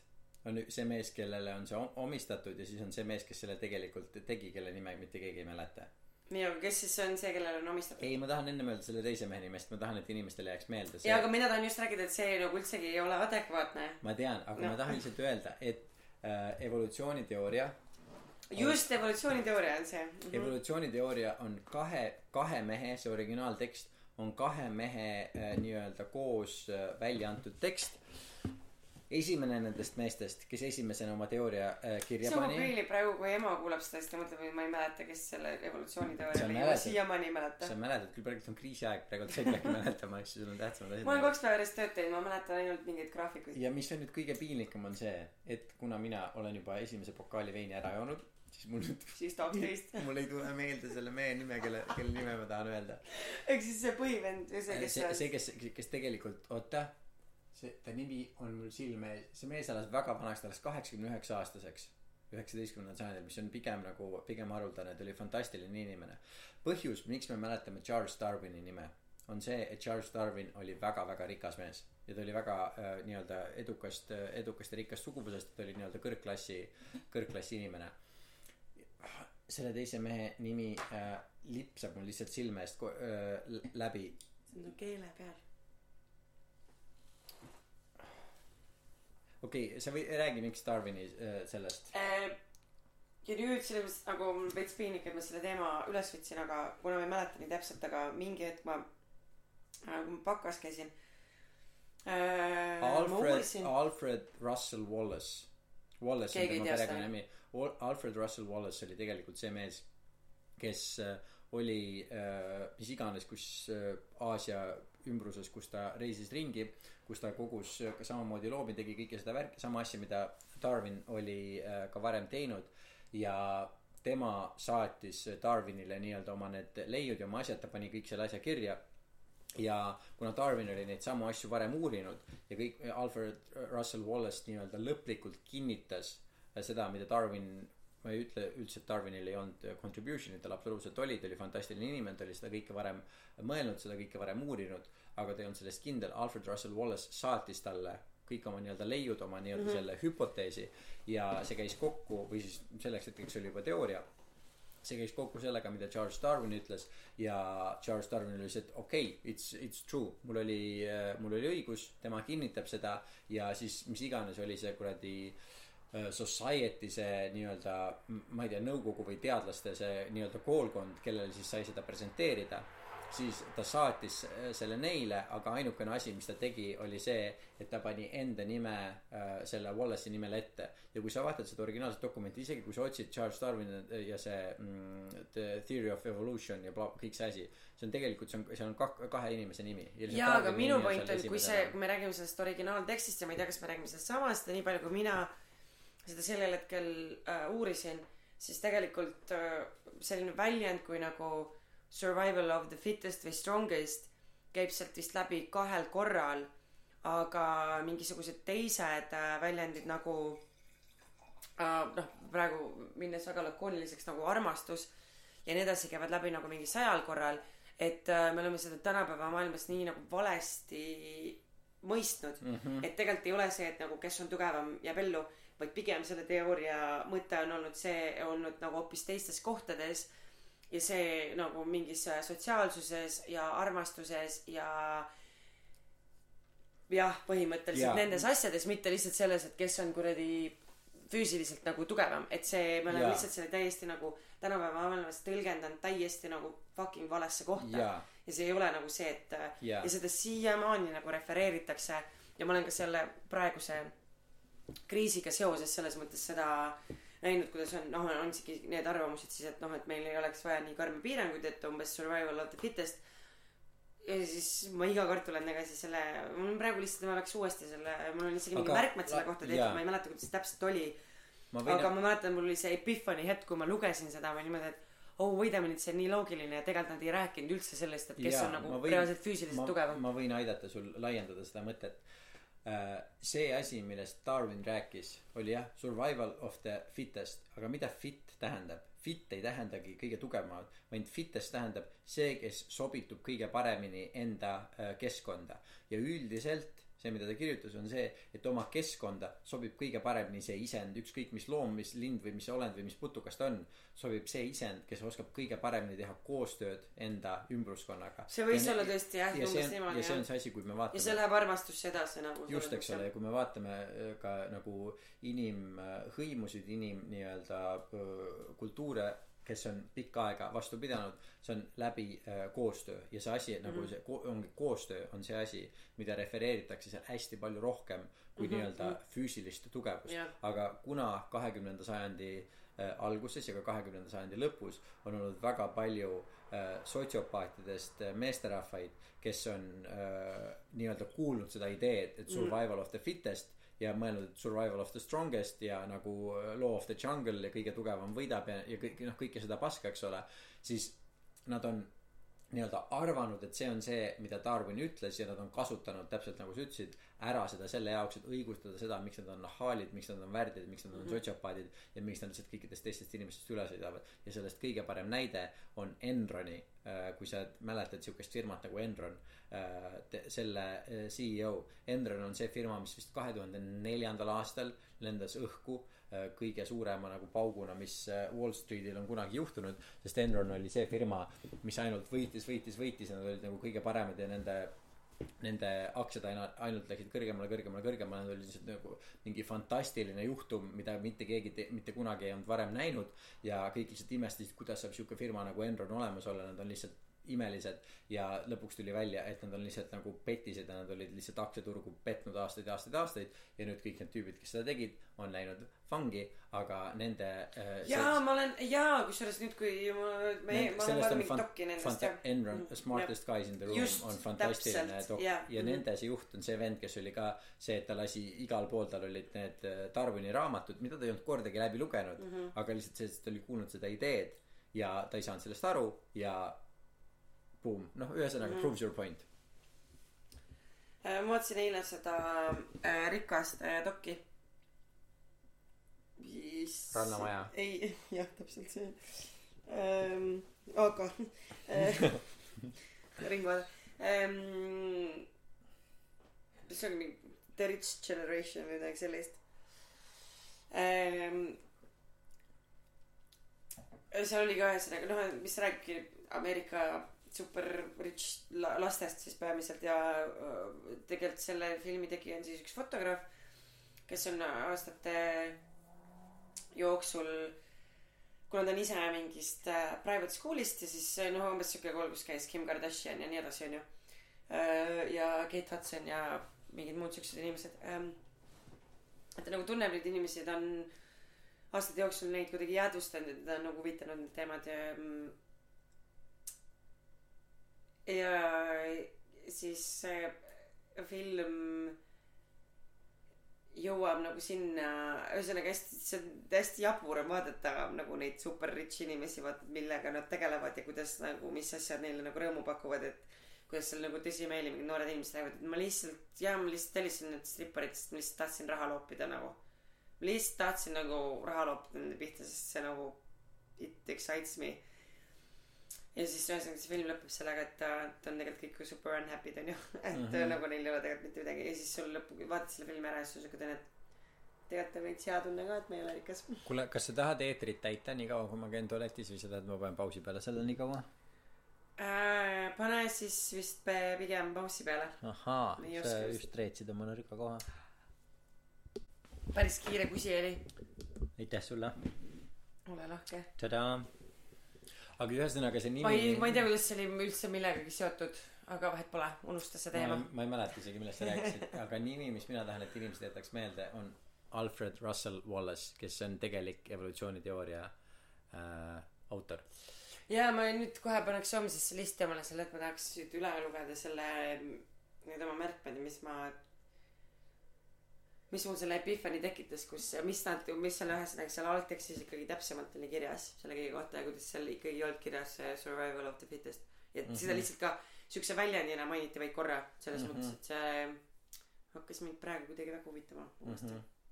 ja loomulikult Darwin ka on üks nendest paljudest väga prominentsetest inimestest kes abiellus oma nõbuga miks ei kes oli laps tundub nagu kas see on fair deal. mingites jah aga see on väga paljudes kohtades olnud sest see oli sinu unistus? Normiks ja tavaks sest minu üks nagu kõige kui suuremaid ma ei tea kas soove? eeskuju Unistusi. ei aga nagu Marcus Aurelius kes oli Rooma äh, keiser äh, Antoninuse äh, selle katku ajal sada kuuskümmend viis kuni sada kuuskümmend üheksa aastatel kes on ka üks äh, stoitsist ma ei tea kas see on eesti keeles õige sõna nagu stoitsismi filosoofia üks kõige nii-öelda tuntumatest nimedest. Äh, ja nagu fantastilise mõttemaailmaga meesterahvas sest tema ka oli oma nõbuga abielus ja neid inimesi on nagu ajaloos olnud veel palju. Et ühesõnaga see on olnud ja siiamaani on paljudes kohtades nii-öelda nagu äh, normiks või reegliks et see on et see ei ole imelik et see, see ei ole minu seisukoht et see ei ole imelik vaid see on paljudes ringkondades. Nii on juba mitu inimest öelnud. Äh, ühesõnaga et et seda peetakse peetakse normiks. Oma nõbudega abiellumist või? Jah. Aa nojah aga kas see nüüd nagu ei ole mööda läinud või? Tähendab see oli kunagi nii kui see oli üldse kuninglikus perekonnas siis sa mm, ei saanud väljaspool nagu perekonda abielluda ja nii. Tead see on üks asi, asi mille kohta ma ei tahaks seda asja öelda ma ei tahaks Äh, seda ja ma ei tahtnud avalikustada seda kuulda kui ma seda esimest korda kuulsin aga on see et väga suur protsent äh, moslemitest abiellub oma nõbudega no jaa sest et kuidas sa saad usaldada kedagi, kes on väljaspool? Su perekonda, mõtle loogiliselt, et sest.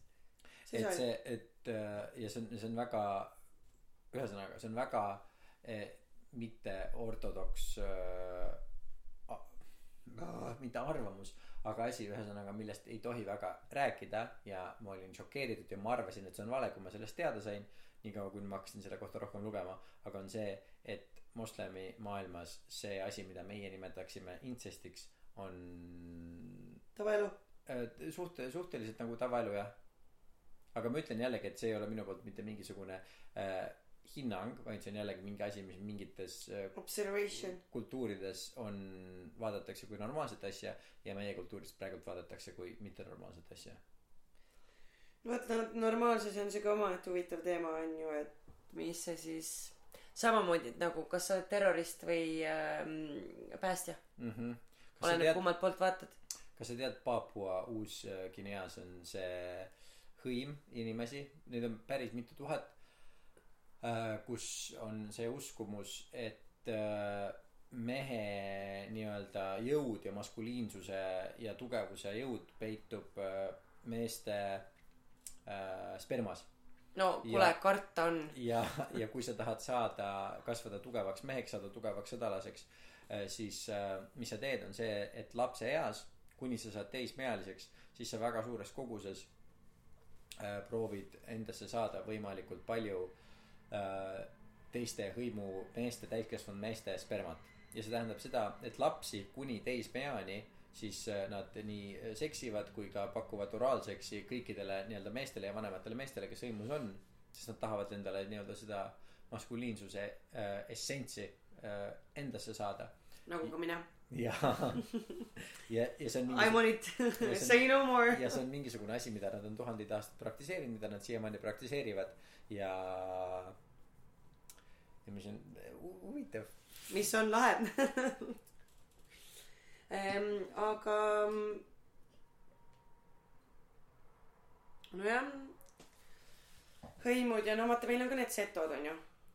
ja, ja kes teevad täpselt sama asja see on kirja pandud ja no neil on need igast ehted ja asjad seal on still the same. see on põhimõtteliselt täiesti sama see on aa, ma tahtsin no, siis ka ikkagi johtudes või tõukudes sellest koroona teemast onju. johtudes jo-, johtuma on väga tore sõna, mis on sama nagu tõukuma. no et see teema johtub, et päriselt sellest jo-, johtuvalt. aga see kui soomlasena räägid miks sa räägid nagu soomlane? ühesõnaga, see on sõna. sa joht-. johtud millestki ja et sellest johtuvalt ma, et koroonakriisist johtuvalt ma püsin kodus. okei nii ehm,. sina ka, eks ole, kui ikkagi pigem, pigem vallaline inimene. et äh, ku- kuidas, kuidas käitud, kuidas käitud, kui pead niimoodi kodus püsima ja ja kuidas, mis üldse ja kui me peame nagu mingi jaanipäevani ja võib-olla isegi veel terve suve on ju kodus püsima, et äh, okei nüüd kas sul on äkki nippe, kuidas ja nagu ei nüüd ma räägin ma ma räägin sinuga täiesti Ausalt. ausalt Mhm. ja võib-olla mõned meie kuulajatest ei taha kuulda seda mis ma ütlen aga mul on siukene tunne et ausus on ikkagi kõige jaoks kõige parem ravi. Ja selle koroona asjaga seoses mina olen palju ikkagi mõelnud selle peale ja mul on väga tugevalt nii-öelda elu meelde tuletanud seda et mina oma loomult olen mässaja. See missugune missugusena ma käitusin äh, koolis ja see et minus on nagu noh mi- minu minus on sisse juurdunud ja ma ei usu et see on keegi on seda mulle õpetanud vaid see on mingisugune asi mis loodus on mulle kaasa andnud on see et ma olen mässumeelne. Mulle meeldib kui on mingisugune reegel ma tahan selle vastu mässata. Kui kõik ütlevad ühte asja ma tahan öelda teist asja. No just eks mina seal ja, ja, keskkoolis ja samamoodi isegi kui on tegemist grupi inimestega keda ma austan ja keda ma jah no austamine on kõige par- noh seesama asi need näitlejad eks ole kes ütlevad püsi kurat kodus. Siis mul on see et ükskõik kui palju ma austan neid inimesi näitlejatena see et nad kõik seda asja ütlevad tekitab mul selle tunde et ma lihtsalt tahan öelda vastupidist ja ma tahan lihtsalt neile näidata kõiki viise kuidas nad eksivad. Ja ma ei ütle et see on hea või vale et see on õige või öö, paha vaid see on lihtsalt see viis mismoodi minu nii-öelda süsteem on üles ehitatud. Nii. Ja seoses nüüd selle koroonaviirusega juba sellel esimesel nädalal ma ei tea kust kohast nagu mitte otseselt vajadusest aga mul tekkis see mõte sest ma mõtlesin selle sama asja peale et inimesed on nüüd üksteist üsna tugevalt eraldatud. Ja kui ma oleksin natukene teistsugune inimene kui ma oleksin natukene ma isegi ei tea nat- natukene rohkem nagu kuskile poole või midagi nagu teistsugust siis ma reaalselt mõtlesin seda et ma teeksin nagu mingisuguse illegaalse äh, seksitakso ja ja lihtsalt li, nagu ja ma saan aru see kõlab absurdselt see ei ole mingisugune asi mida ma teen. Kõlab nagu startup. see ei ole mingisugune asi mis mul on plaanis päriselt teha aga mul lihtsalt tekkis see mõte et kui me elame siukses nagu maailmas kus kõik on üksteisest nagu eraldatud ja justkui peaks peaks kokku kokku saama siis minus on lihtsalt see kiusatus et vaat nüüd ma nimme teen niimoodi et lihtsalt teen siukse nagu väikse siukse ettevõtte FIE et lihtsalt lihtsalt lihtsalt eh, nagu eh, käia ja olla nagu võõrastel inimestel just võõrastel inimestel nii lähedal et see on eh, et see oleks nii-öelda nagu ületaks kõik sündsuse piirid ja ja ka sotsiaalsed nii-öelda piirangud mis meil on praegult peale pandud sa arvatavasti Laura ei vastanud sinu küsimusele aga need on need mõtted mis minul tekivad mm. -hmm. siis kui meile sotsiaalselt mingisugused siuksed reeglid peale surutakse sest et mina olen nüüd juba nagu pikalt olnud selline üksik inimene nagu ma olen eks ole. Ja mm, pigem olen äh, leidnud äh, ütleme siis kosutust hingele mm, teatavast äh, igaõhtusest enekese lugemisest. Ütleme siis iganädalasest äh, flirdist äh, suvalistes lokaalides. Et nüüd see kõik on nagu jäänud olemata et ähm, ma ei teagi nagu kuhu edasi. Tegelikult olen nüüd üsnagi in a pickle. Ei aga see ongi selles mõttes et see tegelikult on suur küsimus. Sellepärast et ma olen veendunud nagu ma ütlesin eriolukorra paari esimese päeva jooksul äh, postitasin seda et üheksa kuu pärast on beebibuum on siin sü- kas sa võtad oma sõnad tagasi? Ei absoluutselt mitte. Sünni nagu ma olen täiesti veendunud et äh, mis iganes äh, november detsember no sest jaanuar. põhipõhjus miks inimesed ei seksi ja lapsi ei saa on see et neil ei ole aega. Nüüd on aega sitaks selles mõttes jah no, sul november detsember jaanuar ma olen täiesti täiesti kindel tuleb nagu täielik nagu äh, sündimuste rekord. Ma olen olen selles veendunud. Aga see on jällegi mingi osa populatsioonist ja nagu on mingi osa populatsioonist kes on suhtes. Noh saunainimesed eks kes on äh, et äh, jah et mul selles mõttes äh, ma, ma näen seda nii-öelda äh, frustratsiooni ja keerukust ja ja kõike seda mis mis sellega võib äh, võib kaasneda. Ja ma arvan et on palju inimesi kes on ja paratamatult me teame seda et mida nii-öelda sotsiaalselt raske olukord. Kui toimuvad sõjad kui toimuvad kriisid kui toimuvad katastroofid inimesed äh, muutuvad hästi palju kiimasemaks kui muidu. Sellepärast et äh, ja see on täiesti evolutsiooniline asi on see et kui meil on siuke tunne et on kriisi või ohuolukord äh, siis me naistel tekib see tunne et neil on vaja hästi ruttu rasedaks jääda sellepärast et võib-olla sul ei ole võimalik äh, hiljem enam lapsi no aga saada. ma olen just vastupidiseid uuringuid lugenud. teine aga siin on me räägime kahest erinevast asjast nüüd on teine asi mis äh, on ka asi mis põhjustab anoreksiat millest me võime hiljem rääkida on see kui sul kui naisterahval on selline tunne et nii-öelda äh, olukord kus sa elad on nii äh, ebasoosiv et lapse saamine mõjuks nii halvasti et et sul ei ole kindlustunnet on pigem see mis ma et sa mõtlesin et jah. sa lülitad kõik oma need süsteemid välja. Ja need on kaks need on nagu täpselt natukene erinevat erinevat asja sest sõjaolukorras inimesed seksivad hästi palju rohkem kui mitte sõjaolukorras. Ja siukestes nagu see on aga vahe on sellel akuutsel kriisil ja siis nagu äh, kroonilisel kriisil. Kui on näiteks äh, nagu näljaaeg. Kui on näljaaeg inimesed ei taha absoluutselt paarituda sellepärast et jah sest neil on nälg nad tahavad süüa. no, just eks ole. Ja anoreksia vaat anoreksial on hästi selge evolutsiooniline öö, põhjus mis see anoreksia põhjustab. Anoreksial on nagu seega on liiga palju süüa. Ei mitte ei ole liiga palju süüa.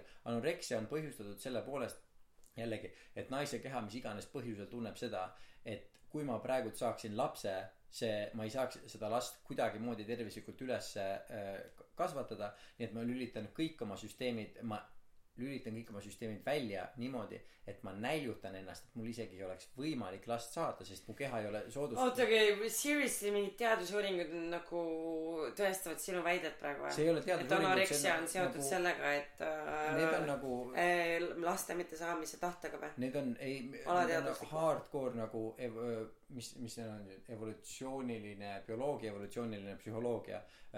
selle nii-öelda nende valdkondade esindavad teadlased ütlevad seda, et see on põhjus, miks anoreksia nervoosa äh, tekib, et sellel on selge nagu konkreetne ja loogiline põhjus Äh, nagu reproduktsiooniga või? mm. -hmm. päriselt või? okei okay,, Mhm. ma ei ole seda mitte kunagi kuulnud, Ja see tundub väga ja huvitav, ma pean mina- seda natuke nagu seedima. ja, ja, ja, ja ma soovitan, soovitan ka, sest kui ma ka sellest kuulsin ka, siis mul oli see, et okei okay,, see kõlab kõige esiteks nii wild, et see ei ole üldse yeah. loogiline ja siis, kui see nagu Ja, ja, ja. kuulad ja lo- nagu loed ära, mis inimestel on öelda ja arvad, siis sul on nagu see, et ahaa, okei okay, et see on tegelikult, sa saad sellest aru, aga kui me vaatame tänapäeval seda, siis me vaatame anoreksia nervoosat kui, eks ole, kui vaimset, vaimset Mhm. haigust. anoreksia nervoosa on kõige kõrgema suremusega vaimne probleem, mis üldse eksisteerib. okei saad aru, ena-, et ühesõnaga see, see protsent inimesi, kui sul on anoreksia, need, kes sellesse surevad, on kõrgem kui ükskõik missugune teine äh, vaimuõigus. just, eks ole. ja, ja ilmselge on see, et see põhjus, miks tänapäeval see inimestel tekib, on noh, mis iganes kuradi traumad või nagu vaimsed mm probleemid sul on elu jooksul juhtunud, sest need on inimesed, kellel see tänapäeval tekib, on inimesed, kes on tavaliselt väga heas staatuses mm. -hmm. Need ei ole vaesed inimesed, kellel on anoreksia tekib.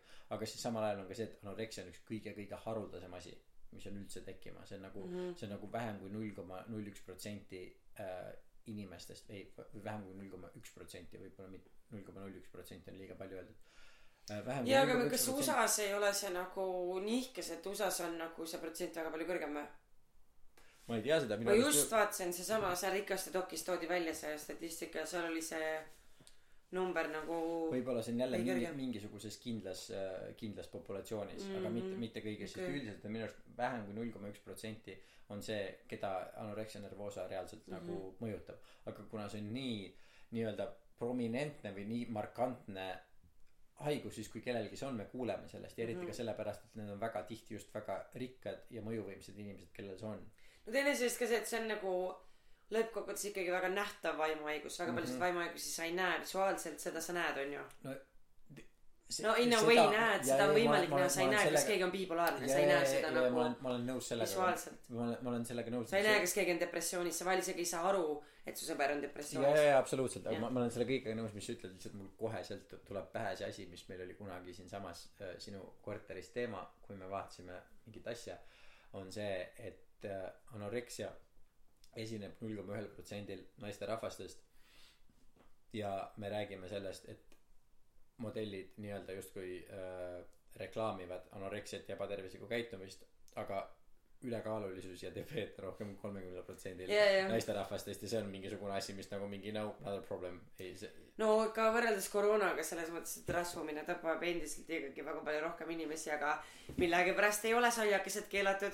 I don't know, järsku ei tohi sõpradega kokku saada, aga saia võid ikka süüa. I Mhm. Don't know. Kus kohas need reklaamid mis ütlevad et püsi saiakestest vähemalt kahe meetri kaugusel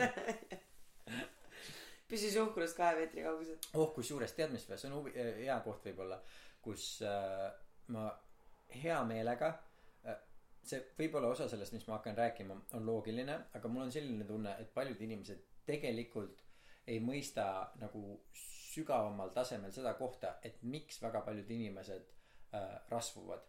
Ja ma jumala hea meelega räägiksin sellest natukene. Räägi sellepärast, et ma arvan, et ma nagu mingeid asju tean, aga et ähm, eh, ma paneksin siia siis õhku si- enne sinu äh, vastust lisaküsimuse, et äh, miks Eestis on see protsent nii kõrge?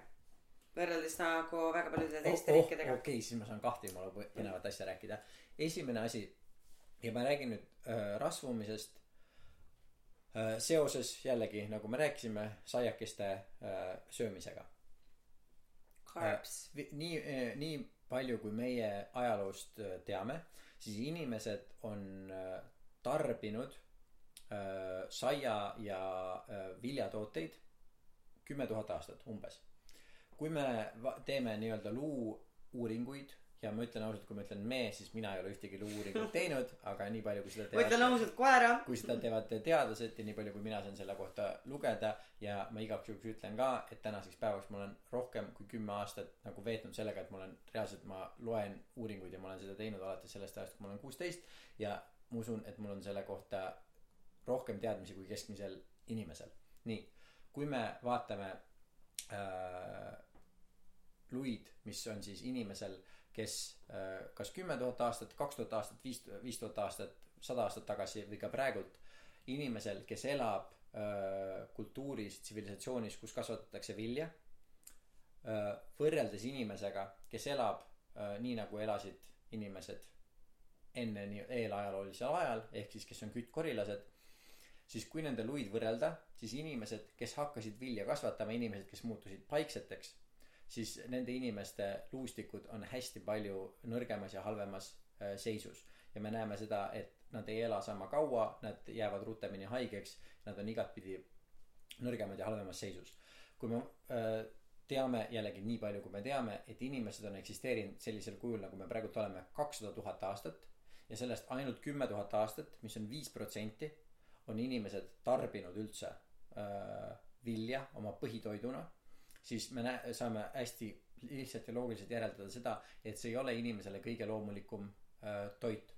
Ja sellel ajal kui inimesed hakkasid vilja tarbima ja nii-öelda evolutsioonilises kontekstis inimene hakkab vilja tarbima siis kui sa ei saa seda toitu mida sa peaksid inimesena päriselt saama. See toit mida sa peaks päriselt saama on eks ole liha võib-olla mingisugused äh, juurikad mingisugused marjad eks ole mida sa mida sa loodusest leiad ja nii edasi. Aga see jällegi nagu sa enne ütlesid et sa võtad nagu vaata milline vil- vili välja näeb. Ja siis kui palju sa pead vaeva nägema selleks et sellest viljast saaks päriselt äh, toit? Mis on selles mõttes lihtsalt ütlen vahele et äh, kas see aeg kui ma olin nagu taimetoitlane ja mingite inimestega rääkisin et et naljakas mõelda et äh, et tegelikult sul on ikkagi liha selles kontekstis palju vähem vaja töödelda et see oleks söödav kui seda vilja mis sul kasvab nagu kõrrena maa seest ja, välja. ja jällegi ja me saame inimestena liha süüa palun tee mulle leib sellest saa- saa... rukkisest mis sul kasvab põllu pealt me saame liha süüa ka toorelt. See on lihtsalt hästi palju jah. ke- raskem seedida me saame sealt vähem ja tänapäeval kätte. ilmselt mitte nii nagu aga aga see on võimalik eks ole. Nii aga point being on see et inimene tarbib vilja sellel hetkel kui ta ei saa seda toitu mis tal päriselt on äh, vaja. Ja selle protsessimine on kulukas ja aeganõudev. Sa ei saa sealt väga palju toitaineid ja, ja nii edasi. Läbi äh, kõikide nende äh, kümnete tuhandete aastate on tekkinud selline olukord et sellel hetkel kui inimene saab süüa seda mida ta tahab süüa seda mis on talle tervislik ja hea ta tarbib üldiselt liha ja sinna kõrvale muid asju mida sa saad nii-öelda korjata ja võtta noppida ja suhu pista. Nii. Ja sellel hetkel kui inimene peab hakkama leidma kuskilt vilja seda töötlema sellest saama mingisugust natukenegi söödavat asja selleks hetkeks on inimene juba nii pikka aega olnud näljas et tema sees lähevad tööle nii-öelda kõik äh, kõik nii-öelda need äh, äh, ensüümid. ma mis iganes süsteemid mis ütlevad talle seda et et kuule praegult on olukord päris pask sa oled näljas. ja näljaolukorras mida inimene hakkab esimese asjana tegema? su keha ütleb sulle et käes on nälg selle jaoks et nälg üle elada sul on var- sul on tarvis hakata ladustama rasva. ja sellepärast oleme me jõudnud sellisesse kohta et sellel hetkel kui sa juba hakkad vilja sööma siis su keha ütleb et sa sööd seda sa sööksid siukest asja ainult siis kui oleks näljaaeg. Nii et järelikult hakkame võimalikult palju oma kehale rasva ladustama. Sul ei pea olema selle jaoks isegi kaloritest ülejääki selle jaoks et su keha hakkaks seda mm -hmm. tegema. Sellepärast et su kehal on see selge signaal. Mm -hmm. sa oled pasas me ei tea millal me saame päris toitu et paneme ruttu hästi palju rasva keha peale selle jaoks et elada üle see aeg mis me näljas elame. Ja siin me võime rääkida palju sellest et nagu nii kalorid sisse kalorid välja ja nii edasi. Me teame seda faktina et teraviljades on nii-öelda kõik ained vajalikud selle jaoks mis annavad meie kehale selle signaali et hakka oma keha peale ladustama rasva. Nii et me ei pea isegi mõtlema selle peale et kas sa sööd liiga palju või mis asjad need on nii-öelda öö, teraviljades või mis asi see on saias mis asi see on kuradi koogi sees mis mind paksuks teeb asi ei ole nendes asjades mis seal sees on vaid asi on selles et kui sa Nad midagi ei söödaks seda muidu loomadele. Just eks ole et ja et sinu keha teab seda et sa ei paneks seda asja enda sisse kui mm -hmm. ei Mhm. oleks nälg ja nälja saab üle elada rasvaga nii et sa hakkad rasva tootma. Kas see on loogiline? Ja minu jaoks on see väga loogiline. Nii ja siis on teine asi miks me räägime et miks on nii paljud eestlased äh, üleka- äh, ülekaalulised. Ja siin on üks ah kui fucking põnev asi kui ma sellest teada sain. Kui mingisugune generatsioon äh, kui mingisugune indiviid talub nälga siis äh, meie epigeneetikas äh, lähevad tööle kindlad nii-öelda kindlad ge- geenid nii-öelda kindlad geenimutatsioonid avalduvad mis ütlevad seda et me elame keskkonnas kus on võimalik et tekib nälg. Ja mis on eriti põnev on see et need nii-öelda äh, generatsioonid kes nälja läbi elavad neil on äärmiselt äärmiselt palju kõrgem tõenäosus äh, või kõrgem nii-öelda võime hästi kiiresti hästi palju rasva oma keha peale äh, korjata. Sellepärast et nende keha teab seda et mul on võimalus et mul kohe varsti tuleb jälle nälg. Nii et jälle paneme hästi suure osa rasva Tagavaraks. oma kehale tagavaraks. Just. Ja ja selle jaoks et kui see uuesti see nälg tuleb me saame selle üle elada. Ja mis on eriti põnev on see et see epigeneetika avaldub üle põlvkonna. Mis tähendab seda et see see põlvkond kes talus nälga nende see avaldub nende äh, geneeti- äh, geneetilises koodis. Nende lastel see jääb vahele aga nende lastelastel see avaldub äh, avaldub jälle. Ja aga vaata huvitav point see ei jää nende lastel vahele kui nende vanavanemad olid samas olukorras kus me oleme eestlastena nagu Just. pikalt olnud et Just. ma arvan et meil on põlvkondade pikkus et meil ei jää keegi või, vahele. või kui nad on ise selles olukorras eks ole ja ja seal noh seal võib olla veel hästi palju muid gene- geneetilisi asju eks ole mis mõjutavad seda kui palju sa mis iganes asjade pärast rasva nii-öelda talletad või mitte.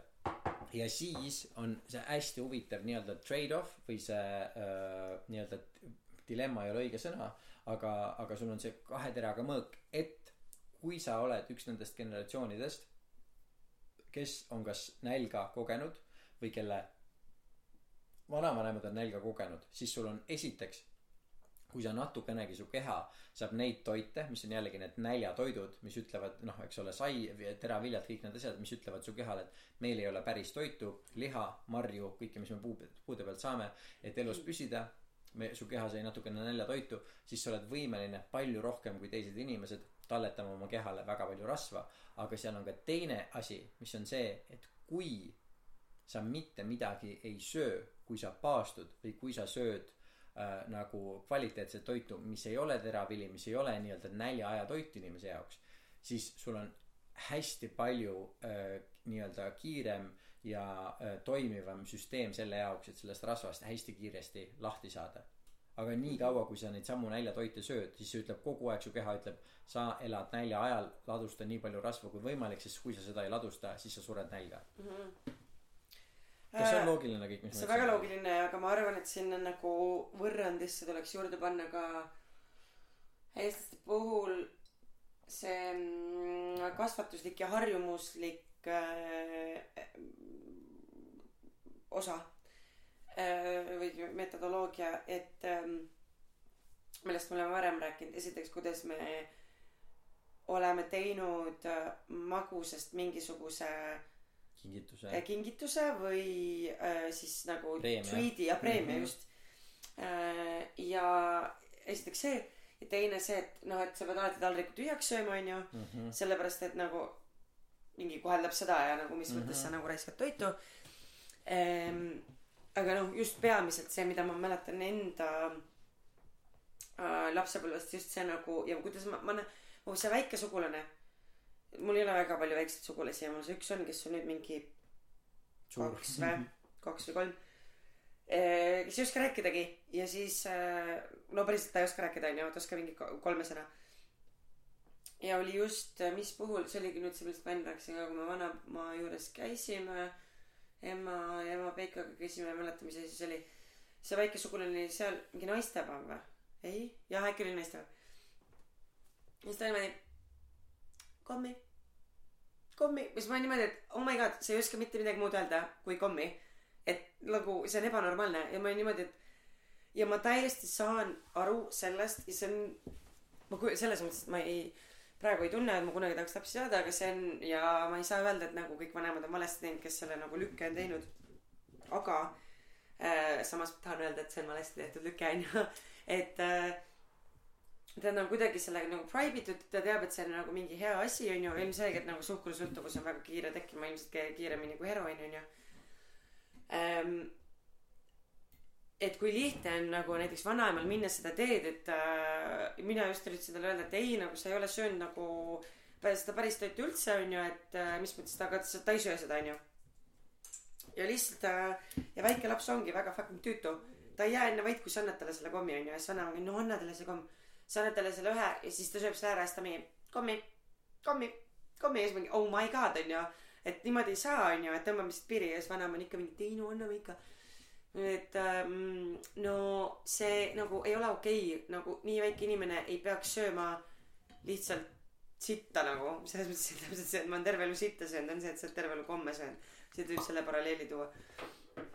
Et nii lihtne on seda teed minna et sa annad alla sellele väiksele lapsele ja annad talle seda kommi aga see on mingi asi mida noh lihtsalt mitte mingil juhul mu silmis ei tohiks teha või ma mõtlen et kui erinev võiks mu elu olla kui ma ei oleks kasvanud kuidagi ka kui kui sind ka bribe itakse nii et söö oma toit ära ja siis saad kommi what the fuck mis street see on nagu Mhm. minu arust on lihtsalt kommid ja kõik see nagu mürk Mhm. su lapsele peaks ütlema et see on solt see on mürk sa ei tohi seda süüa Mhm. Jumala eest ärge hirmutage neid koroonaga Ei, hirmutage no, neid ei, fucking ja- äh, kommidega ja nagu seal ei ole ühtegi nagu kasulikku ei- ainet. ma- ma saan aru täiskasvanud inimesena jaa okei okay, jaa me sööme ka šokolaadi nii mis iganes hetkedel onju. Mina ei taha süüdistada kedagi ei enda Mina ka mitte, aga tegelikult vanema, on. ei taha. vanavanematest kedagi kes on niimoodi teinud sest ainuke põhjus miks nad on niimoodi teinud sest sest neil on kotiga aimu muidugi absoluutselt ma ei süüdista ka kedagi. Ja aga see probleem hakkabki pihta üldse sealt et sa üldse juba annad nii noorele inimesele midagi ta ta aju ei ole välja arenenud et midagi mõista ja sa lihtsalt annad talle midagi mis on sõltuvust tekitav. Ja loomulikult see laps anna siidrit siis juba. mõtle see laps hakkab kasvama automaatselt niimoodi et ma lihtsalt teen ükskõik mida ma käitun lihtsalt niimoodi et saada seda asja millest ma sõltuvuses olen mis tekitab mulle seda fantastilist tunnet. Ja mina olen täiskasvanud in- inimene ja nagu väga mitmes mõttes väga nii-öelda võimekas oma nii-öelda mingite ihade ja vajaduste ja nõrkustega toime tulema. Ma olen siiamaani suhkrussõltuvuses ma siiamaani võin süüa ära lihtsalt nii suures koguses magusat et see on Just. nagu õudne. Et see viga algab juba sellest kohast kus sa avad selle ukse jah. et su laps mingisugust sihukest asja saab. Ja meie räägime seda mõlemad inimestena kellel ei ole lapsi et selles suhtes nagu mingi mul ei ole õrna aimugi mismoodi mina selle asjaga kunagi tulevikus nii-öelda tegelema hakkan. Aga aga ühesõnaga jah I I see I see what you are talking about. Aga see on kuidagi sihuke noh et me võiks selles mõttes mulle väga meeldivad need graph'id kui vaadata et kui palju inimesi sureb praegu koroonaviirusesse isegi kui nad tegelikult ei sure koroonaviirusesse lihtsalt statistika näitab et ta no kuradi üheksakümmend viis mis on Eestis niikuinii juba see et sa väärid medalit et sa nii vana vanaks oled elanud et ta suri äh, täiesti unustasin ära mis ma tahtsin rääkida no Em. ma võin vahele lihtsalt öelda seda et äh, mõtle kui tore oleks see kui iga inimene kelle äh, süsteemis on suremise ajal H2O-d siis me paneme selle uppumissurmaks just. Et äh, kui palju inimesi sureb tegelikult rasvumise tagajärjel mis on selles mõttes samasugune asi et ta võib-olla suri mingisse muusse näitajasse nagu meditsiinilises mõttes aga tegelikult ta suri rasvumisse ta keha ei suutnud nagu mm. -hmm. enam tegeleda sellega mm mm. -hmm. et seal me ei vaata ei ütle seda et ta suri rasvumisse nüüd meil on mingid no tal oli viis haigust tal oli nagu diabeet ja mingi südame-veresoonkonna haigus ja nii edasi aga suri koroonasse no kas tegelikult su- kas mm. -hmm. suri Mm -hmm.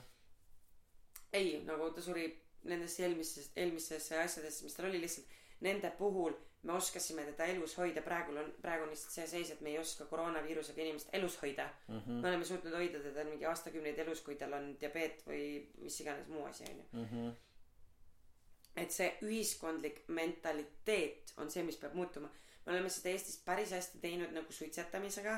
Me oleme seda päris hästi teinud alkoholiga. See on tõesti muutunud nagu ebalahedaks võrreldes sellega mis ta kunagi oli ja päris nagu kiiresti.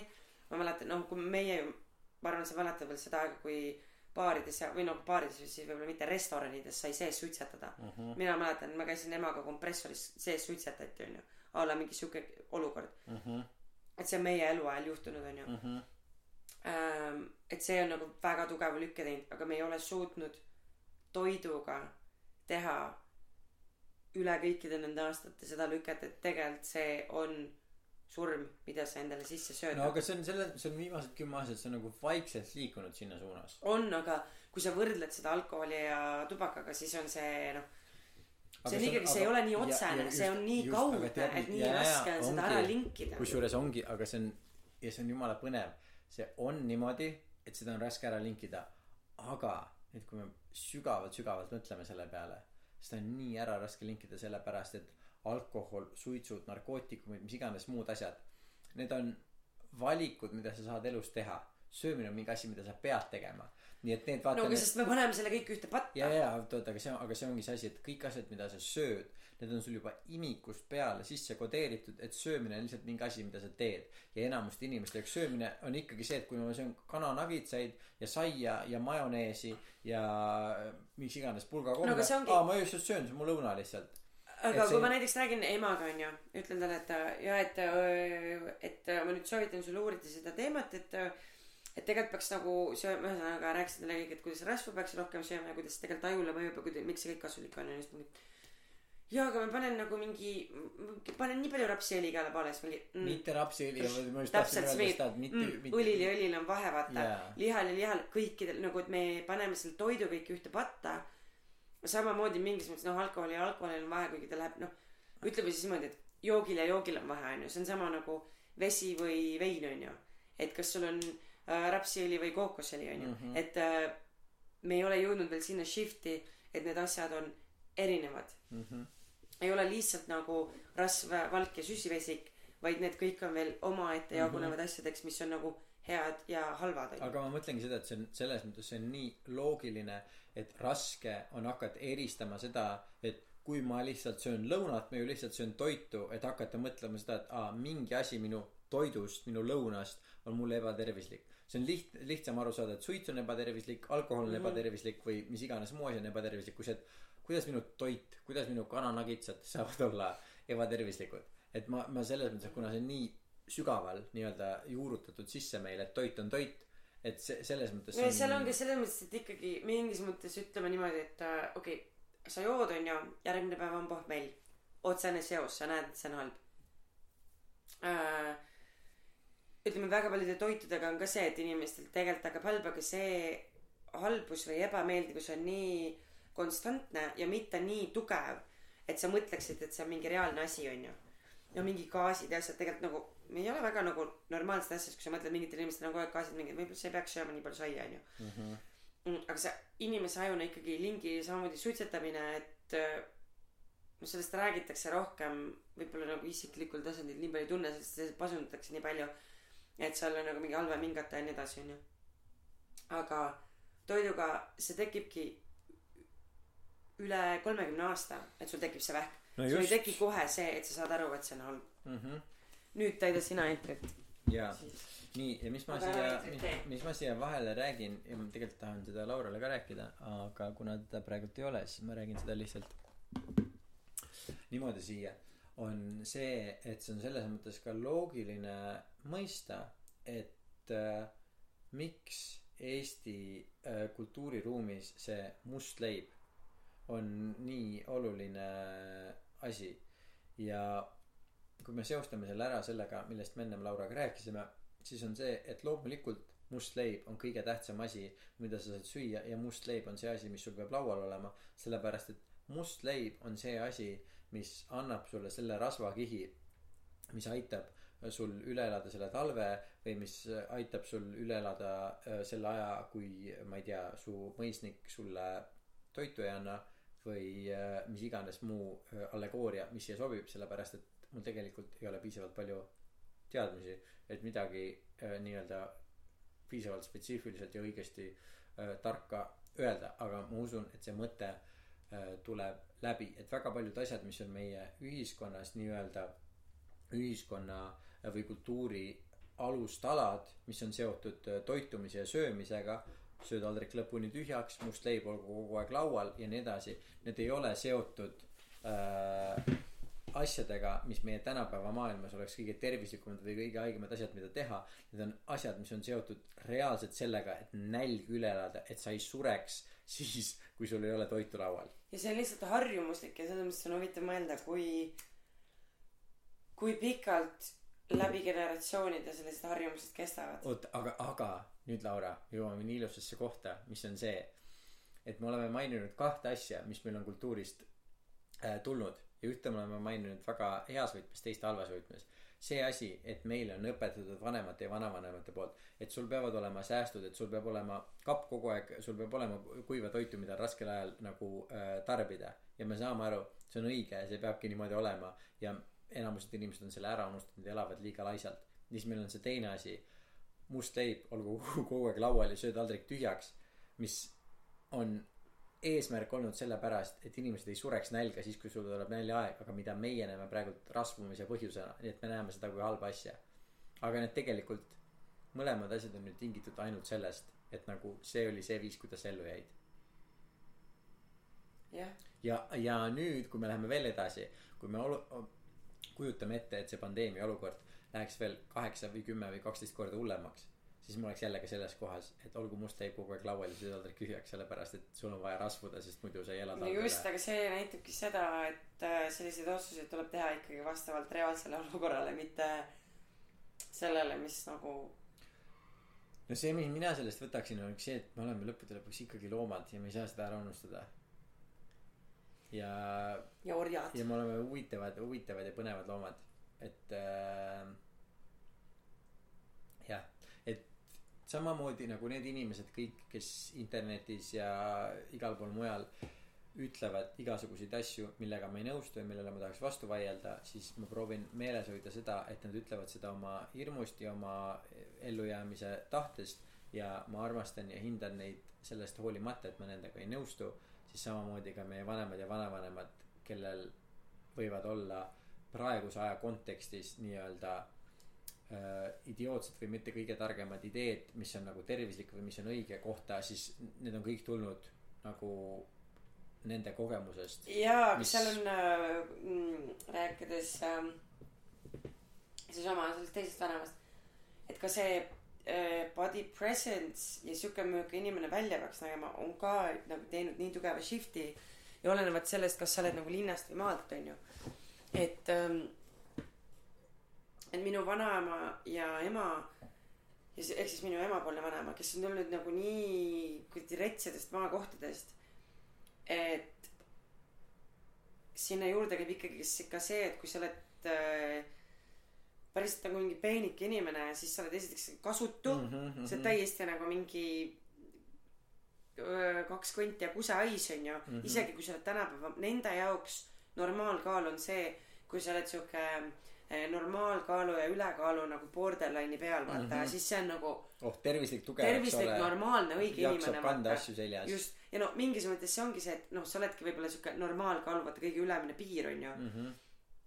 et otseselt ei olegi nagu kõige hullem onju aga see normaalkaal võib olla ka no ütleme noh erinevaid vahendeid on kuidas neid mõõta ütleme kui me võtame kehamassi indeksi mis ei ole ka tegelikult nagu tänapäeval juba öeldakse et ei ole kõige parem asi mille järgi nagu neid asju vaadata onju Mhm. aga no ta on suht adekvaatne võtame näiteks selle onju ütleme et sa oled siukse kehamassi indeksi seal kõige ülemise piiri peal onju siis see on nagu vanaema jaoks selles see et vot nüüd ikkagi nagu ma näen et sul on nagu mingit sisu Mhm. noh et tal käivad ka kõik ülejäänud asjad läbi selle et ta ka, ka, ka kui sa oled nagu kuidagi väiksemas kaalus siis ta arvab et sa oled ka rumalam näiteks mm -hmm. no et ta on lihtsalt sellise taustaga et see mm -hmm. ta näeb sind täiesti kasutu Ja me- inimesena kui sa oled nii peenike ja ta on nagu ja ma tulen siuksest perekonnast kus neid selliseid väga peenikesi mis on naljakas väga paljudes perekondades on vastupidi minu perekonnas on nagu pigem häbistatud neid kes on nagu peenikesed mm -hmm. või kes on äh, kuidagi vähem kaalunud et äh, ja mu vanemas samamoodi vaata tookord siin kui me olime rääkisin et äh, kui ma seal noh ma käin seal päris harva onju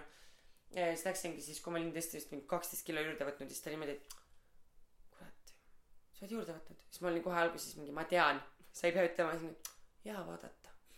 Kohe jaa vaadata. Nüüd ikka kurat kintsud on ikka olemas ja enne oli tead ei näinudki sind. Paistsid läbi. Siis mingi ei ma olin enne normaalkaalus nüüd ma olen ülekaalus. Mingi ei mina ei, mis sa ajad loll, lolli juttu. Ja no siis vaatad ka neid toite mis ja mis noh vanaema teeb ütleb et ma tead et mingi oli ammu nüüd läksin jällegi üles kuule ma olen kuulnud äh, siin et äh, sa nüüd sööd kuidagi tervislikumat toitu et äh, ma teen sulle siis kala. Ja siis vaatad vaatad kuidas ta seda kala teeb. Paneerib seal ära onju fritüürib panni peal õlis onju no ja mingi rapsiõlis onju et ta et see on tema see on tema jaoks see tervislik toit sest see on kala mm -hmm. et ta nagu ta lihtsalt need connection'id on nii Aga ma- teised aga ja mõtle- see inimese pilt on nii teine jaa nagu. aga aga mõtle kui me vaatame nüüd suures plaanis siis me näeme kahte erinevat ellujäämise strateegiat. Kui elu on hea ja me ei pea mitte kunagi nälja pärast kartma siis kõige nii-öelda öö, nii-öelda õigem viis kuidas püsida tervena ja kuidas elada võimalikult kaua on see et sa oled normaalkaalus sul ei ole lisakilosid sellepärast et need põhjustavad igasuguseid Jah, erinevaid haigusi ja koorma koormavad su keha ja viivad enneaegselt hauda. Ja sellises olukorras kus sul on kogu aeg toit käepärast olemas on kõige targem olla normaalkaalus ja teha trenni ja mitte süüa saia mm -hmm. ja kõiki kõiki neid asju. Aga olukorras kus sul on kriisiolukord olukorras kus sul on oht et sa võib-olla kaks kuud või kolm kuud või neli kuud mm süüa ei saa ja on näljaaeg selles olukorras on kõige õigem see et sul on tegelikult öö, sa sööd palju saia sest see annab sulle kehale palju rasva juurde sul on kakskümmend üle kilo selle jaoks et öö, näljaaeg üle pidada. Et me ei saa rääkida okay, ma olen sel- nõus aga ma tahaks lisada et seal on ikkagi seal on ikkagi see teine klausel sest et äh, ma ei saaks öelda et äh, mu ema ja vanaema oleks ko- konstantselt elanud nagu mingis selles äh, näljahirmus aga kuna nad on maalt ja nad pidid tegema maatöid äh, ja mu vanaemal olid kolm tütart kes pidid samamoodi tegema neid maatöid onju siis seal on nagu ka pigem see äh, link et äh, kui sa oled kleenuke siis sa ei jaksa nii palju tööd teha mm -hmm. mitte et see oleks mitte et ma saaks öelda et see nagu pädeks või oleks nagu otseselt tõene aga mitte ainult seal ei ole ainult see nagu okei okay, selles mõttes ütleme jah et see on ellujäämine aga ellujäämine teises kontekstis mitte reaalse mitte reaalne ellujäämine läbi nälja vältimise vaid ka selle et sa suudad teha tööd aga mida selles keskkonnas käivad tegema selles mõttes nagu ei absoluutselt need on seotud aga lihtsalt laiendus sellele et mm. -hmm. minu perekonnas pigem oli nagu see et kuidas üldse millegagi mil- noh või selles mõttes kõik need asjad mis mu vanaema mulle öelnud mis nagu baffles my mind onju mis on juba mis on nagu naljakas on noh ta ongi veits hullem sest sa käid temaga seal aias ringi siis ta mingi Laura vaata need on maasikad kas sa tead milline maasikas välja näeb sest tal on tekkinud nii tugev shift nagu maa ja kuna mina olen linnas üles kasvanud siis ta arvab et kõik linnainimesed on nagu fucking kosmosest onju mm -hmm. ja nad ei tea mitte midagi onju et ma ei tea milline maasikas välja näeb mis minu jaoks oli seal põllu peal niimoodi et nagu vau vaata et keegi võib arvata et ma ei tea nagu mm -hmm. ma ei ole USA-st onju Jaa. vanaema ma olen ikkagi Eestist ma tean milline maasikas välja näeb samamoodi ta arvab see et kui sa oled normaalkaalus siis mingi et sa ei jaksa sa ei jaksa midagi tõsta vaata sa ei jaksa tooligi üles tõsta no see on tema arvamus onju. -hmm.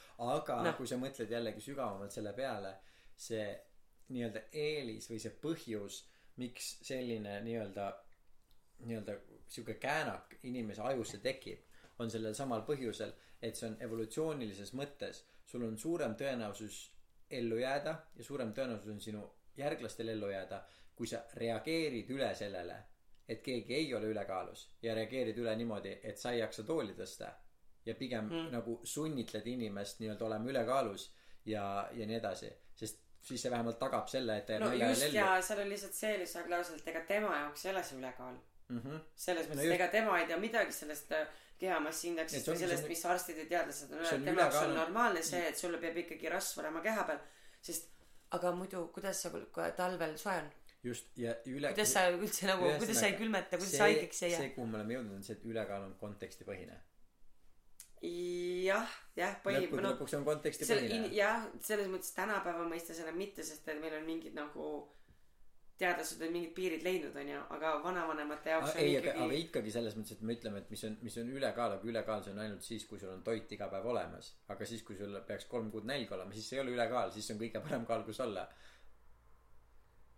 ja okei okay, nagu mul on ikkagi tunne meil on siin viis protsenti mööda mööda rääkimist teineteisest aga ei ei sellepärast et olen ma sinuga nõus ei ma olen sest ma olen sinuga neil ei olnud ka või neil oli nagu toit aga seal on ka jah mingid mingis mõttes oli see nagu vale toit onju ei no ma mõtlen ka seda et kuskohast tu- tuleb kõik sest nende enda vanemad elasid ju sõja ja nälja ajal kui seitse küll. kui su kui sust kui sinust nagu tuhande kilomeetri kaugusel seitse miljonit ukrainlast sureb nälga siis see on väga hea jaa, aga põhjus ma tahangi sulle öelda, et asi ei ole selles, et keegi oleks nagu otseselt, et oleks kartnud, et keegi nälga sureb. ei aga see on et sa ei jaksa midagi teha, oli palju tugevam point kui see, et me peaks nälga surema aga see. põhjus miks sul on vaja sellises olukorras midagi teha mille jaoks sa rügad sa rügad sellel samal põhjusel no okei okay,, osaliselt, aga nagu See on seesama jaa, aga see on komplekssem, see on ikkagi, me ei saa neid asju valemist välja võtta. Nende jaoks on nagu väga oluline, vanema jaoks on ka ikkagi see, et mitte lihtsalt see, et sa pead need tal ei olnud nagu mingitel elu, eluhetkedel enam nagu vajadust seda nagu põldu teha, onju. -hmm. aga kui sa oled juba selle, seal on natuke see väikse printsi loogika. kui sa juba oled selle põllu teinud, onju, siis sa pead sellega nagu jätkama, vaata, et sa pead, kui sa oled selle kartuli maha pannud, sa pead selle üles võtma. et sul peab olema piisavalt jõudu, et seda nagu üles võtta. Mm -hmm. et, et see ei ole otseselt seotud nagu ainult selle näljaga, see on ka mingi, see on sihuke maainimese austus maa vastu, vilja vastu. et see on selles mõttes lihtsalt komplekssem nagu mõtteviis kui lihtsalt nälg või, või mitte nälg. ja ma olen selle kõigega nõus et see on see on nagu rituaalsus, see on aga- traditsioonid. aga ma ütlen aga see aga nagu traditsioonid ma ütleks pigem rohkem isegi kui jaa nälg. aga aga kust traditsioonid traditsioon tuleb vajadusest ja vajadus selle jõu ei, ja traditsioon tuleb, et sa teed mingit asja mitu korda. Aga kõik tradi- ja ja ja aga mõtle miks ei no muidugi algpoint oli see mingi vajadus mm, Mhm. -hmm. ei ma ei vaidle sulle üldse vastu. ma ei vaidle lihtsalt- sinule ka vastu sa- ma olen aga ma aga see on selles ma olen nõus et sa sinuga saad aru, ma saan et see on aru traditsiooniline mõtteviis ja ja lihtsalt. ja aga siis mul tekib kohe järg- kust tuleb traditsioon vajadusest okei okay,, võib-olla jah, mingis mõttes küll. ja ei mul on siuke tunne et ma selles olen mõttes vanaemal on siiamaani, okei okay,, tal võib-olla enam vist ei ole kanu, aga nagu tal olid pikalt kanad lihtsalt sellepärast, et kanad peavad olema. nojah aga samamoodi nagu tal on koer, okei okay, Laura ma toon sulle näite. Äh, me saaksime vihkab ja peksab kõik- nuiaga, mida ma kõik asjad vihkan kõik täiega. ma ei mida suuda seal kõik käia. asjad mida meie teeme. Klaaside kokkulöömine äh, käe surumine äh, Seda ei tohi teha üldse tänapäeval. tervitamine kõik need asjad. Need on kõik traditsioonid mis meil on. Ja meie lapsed keda veel ei ole saaksid öelda et need on idiootsed asjad miks meie vanemad löövad klaase kokku miks meie vanemad kallistavad miks nad eh, suruvad kätt. Need kõik asjad mis on nii-öelda traditsioonid sinu vanaema jaoks. Me me ise teeme samasuguseid asju aga need on te, nagu teised asjad lihtsalt ja nende kohta saaks samamoodi öelda et sellel ei ole mingit põhjust et sellel ei ole nagu mingisugust õigustust. Mõistad? Mõistan täiega ja ma ei üldse ei taha seda nagu väita, ma tegelikult juba ammu proovisin oma pointi ära ja ma tean, ja ja ja ja ma olengi nõus et ma ei taha jah ja et ja. ja see on harjumuslik. Nagu selles mõttes ka millele ma olen pikalt mõelnud et äh, no see on see ingliskeelne termin ka et nagu nature versus versus nagu nurture on ju et kas kõik need inimesed kes väidavad et ei mul on lihtsalt eelsoodumus olla ülekaaluline kas see on lihtsalt kas see eelsoodumus on sellepärast et sa oled terve nagu kakskümmend aastat kui sa oled kodus elanud harjunud sööma neid toite ja niimoodi nagu sa ei peaks või siis sul on päriselt mingi eelsoodumus? Vot aga aga see läheb tagasi sellesama see- teema juurde mis rääkis jah sul on eelsoodumus sest nagu me rääkisime kui sinu vanemad või sinu esivanemad on läbi elanud nälga sul on suurem tõenäosus kui sa sööd mingeid kindlaid asju rasva enda peale koguda. Jah Mm. sul on eelsoodumus aga sul on ikkagi valik süüa saia või mitte süüa ja saia. aga sul on selles mõttes mina näen seda nii et sul on ka eelsoodumus seda rasva koguda läbi harjumuse.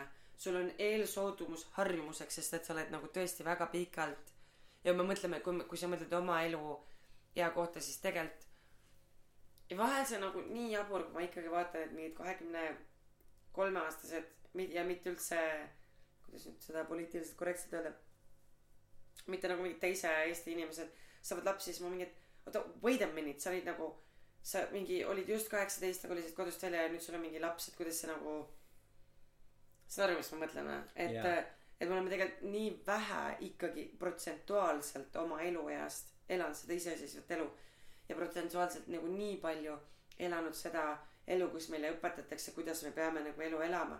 Et meil on lihtsalt eelsoodumus teha täpselt neid asju mida meile on õpetatud mm -hmm. ja tegelikult on väga raske sellest välja murda aga sest harjumust on väga raske murda. Aga üldiselt ajaloolises kontekstis see on ka kõige õigem asi mida teha. Üldises ajaloolises kontekstis on see saada lapsi varakult jah just sest Nõus. üldiselt ajaloolises kontekstis sa tahadki et sul oleks täpselt sama mõttemaailm mis su vanematel sest see on see mis hoidis neid elus see on see mis hoidis nende vanemaid elus see on see mis hoidis sind elus. Ja sa tahad selles samas nii-öelda mõttemullis saada ka enda lapsed et hoida neid samamoodi elus. See et meil on nii muutlik maailm nagu meil on olnud viimase kaheksakümne aasta jooksul on ju tegelikult harukordne. Enamus osa ajaloost on tegelikult kulgenud ju samamoodi. Nii et see sa tegelikult tahadki saada lapsi võimalikult varakult me elame teises mm. maailmas meil on vaja seda et meie aju saaks areneda me saaks nagu maailma nii-öelda teistmoodi seedida et saada aru et aa ah, okei okay, maailm on nii palju muutunud et kui mina enda lapsi kasvatan ma tahan neid kasvatada nii teistmoodi kui kasvatati mind või minu vanemaid sest nagu see mis oli hea minu või minu vanemate jaoks ei ole sama asi mis on hea minu laste jaoks. Jaa mida kunagi ei tule sellepärast et nagu või no kui ma mõtlen okei okay, äh, meil on praegu see koroonakriis on ju ja no me teame et maailm pärast seda ei ole kunagi enam endine ja nii edasi. Aga kas sul ei ole tunnet et nagu need asjad saavad olema nagu väga tihti reoccurring nüüd? Tuleb mingi jär- me saame sellest üle aga tuleb mingi järgmine haigus. Tuleb mingi järgmine kriis. Et me lähme järjest ebastabiilsemaks ja järjest nagu keerulisem on mingit äh, ja ma ütlen et kindlustunnet ja... nagu leida ja selles mõttes et aa üks huvitav mõte veel mis mul oli et ma nägin mingit pilti mida jälle parastati selles mõttes et ma olen pigem ikkagi nagu millenialite kuigi seal on palju nagu idioote eestseisja. Et äh, oli mingi pilt selle kohta et et aa et äh, millenialid on et milleniatel, milleniatel on ühesõnaga olnud kaks suurt kriisi, ehk siis see, mis oli kaksteist aastat tagasi majanduskriis ja nüüd see, mis ongi, meie oleme millenialite siis kõige vanem vist äh,, vanem nagu see mm, -hmm. me oleme, meie lõpetame selle mm -hmm. nagu generatsiooni, on ju ähm,. mingid on, kes on meist nagu nooremad, ütleme, oleme, ongi mingi kakskümmend kaks, kakskümmend kolm, on ju e,. palju on räägitud sellest, et noh, neil ei ole võimalik olnud Äh, osta oma kodu, onju. mis nagu võrreldes mingite meie vanematega, kui sa vaatad, noh, samamoodi minu ema sai, ta on vaesest perest, aga tal on oma, tal on pangalaen makstud, ta on oma korteri kesklinnas välja ostnud, onju, mis on nagu pangalaenuga ostetud.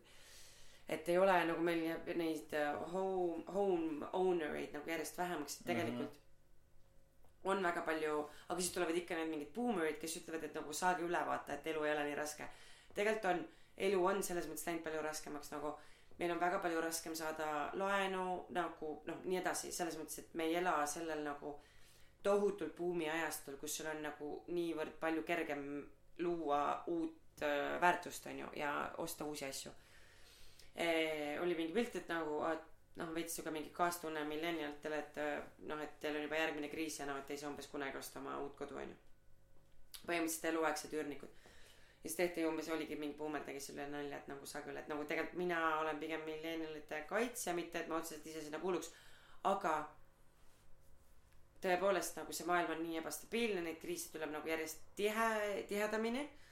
Äh, ja need tingimused on palju ebasoodsamad, et sa saaksid mingit nagu kindlustunnet luua mm -hmm. omal ellu. asjad on nii palju kallimad ja me teenime, me teenime selles mõttes nii palju vähem kui me arvestame inflatsiooni võrreldes sellega, mis meie vanemad selles vanuses teenisid ähm,.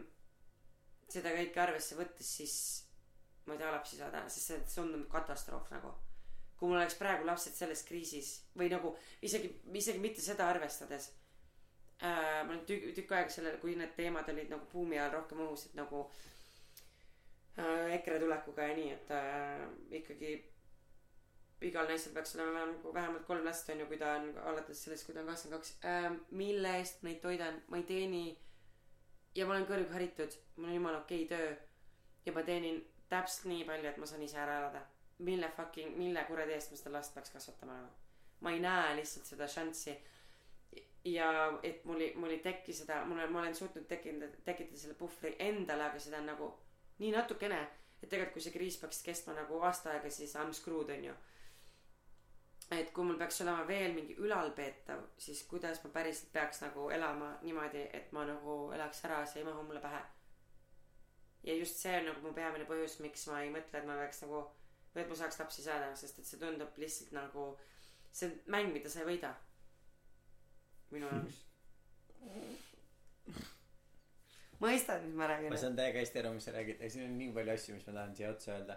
ja ma arvan, et me oleme nii palju rääkinud ja me oleme salvestanud üle väga, väga, väga pika ja nii pika podcast'iga. väga pikema isegi. väga, väga kaua aega. okei, aga ütle midagi siis kokkuvõtteks, mis sellele, muidu minu mingi ränd jääb siia lõppu. no mis minule nagu meelde jäi kõige rohkem on see, et sa ütlesid, et inimestel on nagu noh, soodumus sellepärast, et neil on harjumus. ja mina ütleksin, et mõnel inimesel on ka soodumus lihtsalt vabandada välja, miks ta nagu teeb kõiki neid, miks te vabandada välja oma soodumustega ma lihtsalt olen siuke inimene. Täpselt. oledki sa lihtsalt munn ja sul on soodumust lihtsalt vabandusi leida, et äh, nõus ka selle mõttega. aga me armastame ka kõiki neid oma kaaskondlasi, kellel need soodumused ja, ja ma armastan kõiki inimesi kellel on lapsed ja jumalast kui kellelgi on tunne et ta peab lapsi saama siis saagu neid aga lihtsalt mina ei praegu näe keegi isegi kui sa ütleks et ärge saage siis praegult kõigil on suva täiesti sest praegult kõik nad saavad lapsi nagunii. Ja ilmselt küll aga et ma lihtsalt ma väga armastan praegu ka seda koroona olukorda et keegi ei äh, räägi ühiskonnas meedias ega ka isiklikul tasandil sellest miks sul lapsi ei ole. Ja ja ja vi- asi veel mis ma mainin ära selle nagu pendli kõikumise kohta äh, ära mis- pendel okei. mis läheb äh, kokku põhimõtteliselt sama asi mis ma ennem ütlesin aga ma lihtsalt mainin selle ka ära et äh, kui ennem olid äh, kõik need nii-öelda noh meie äh, vanuses progressiivse mõtlemisega äh, rohkem kunstivaldkondadesse või siuksematesse asjadesse kuuluvad inimesed kes olid need see et nagu mingi võtame vabalt ja nagu mingi elame nii nagu me elame ja nagu mingisugune kõik on chill ja nii edasi siis nüüd on vanad inimesed EKRE hääletajad kes elavad väikeses maakohtades kes on need nagu mingi ma võin ringi minna ma võin käia jalutamas kui ma tahan nagu mingi kes käsib mul kodus olla ja seina taga olla.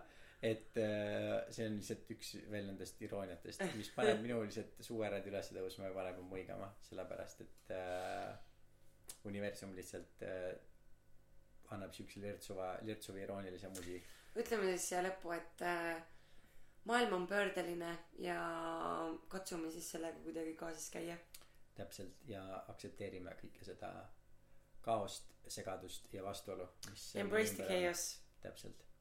Aitäh sulle Laura-Liis Etteruusaar aitäh sulle. O- Aleksander Eeri Laupmaa bye. Bye.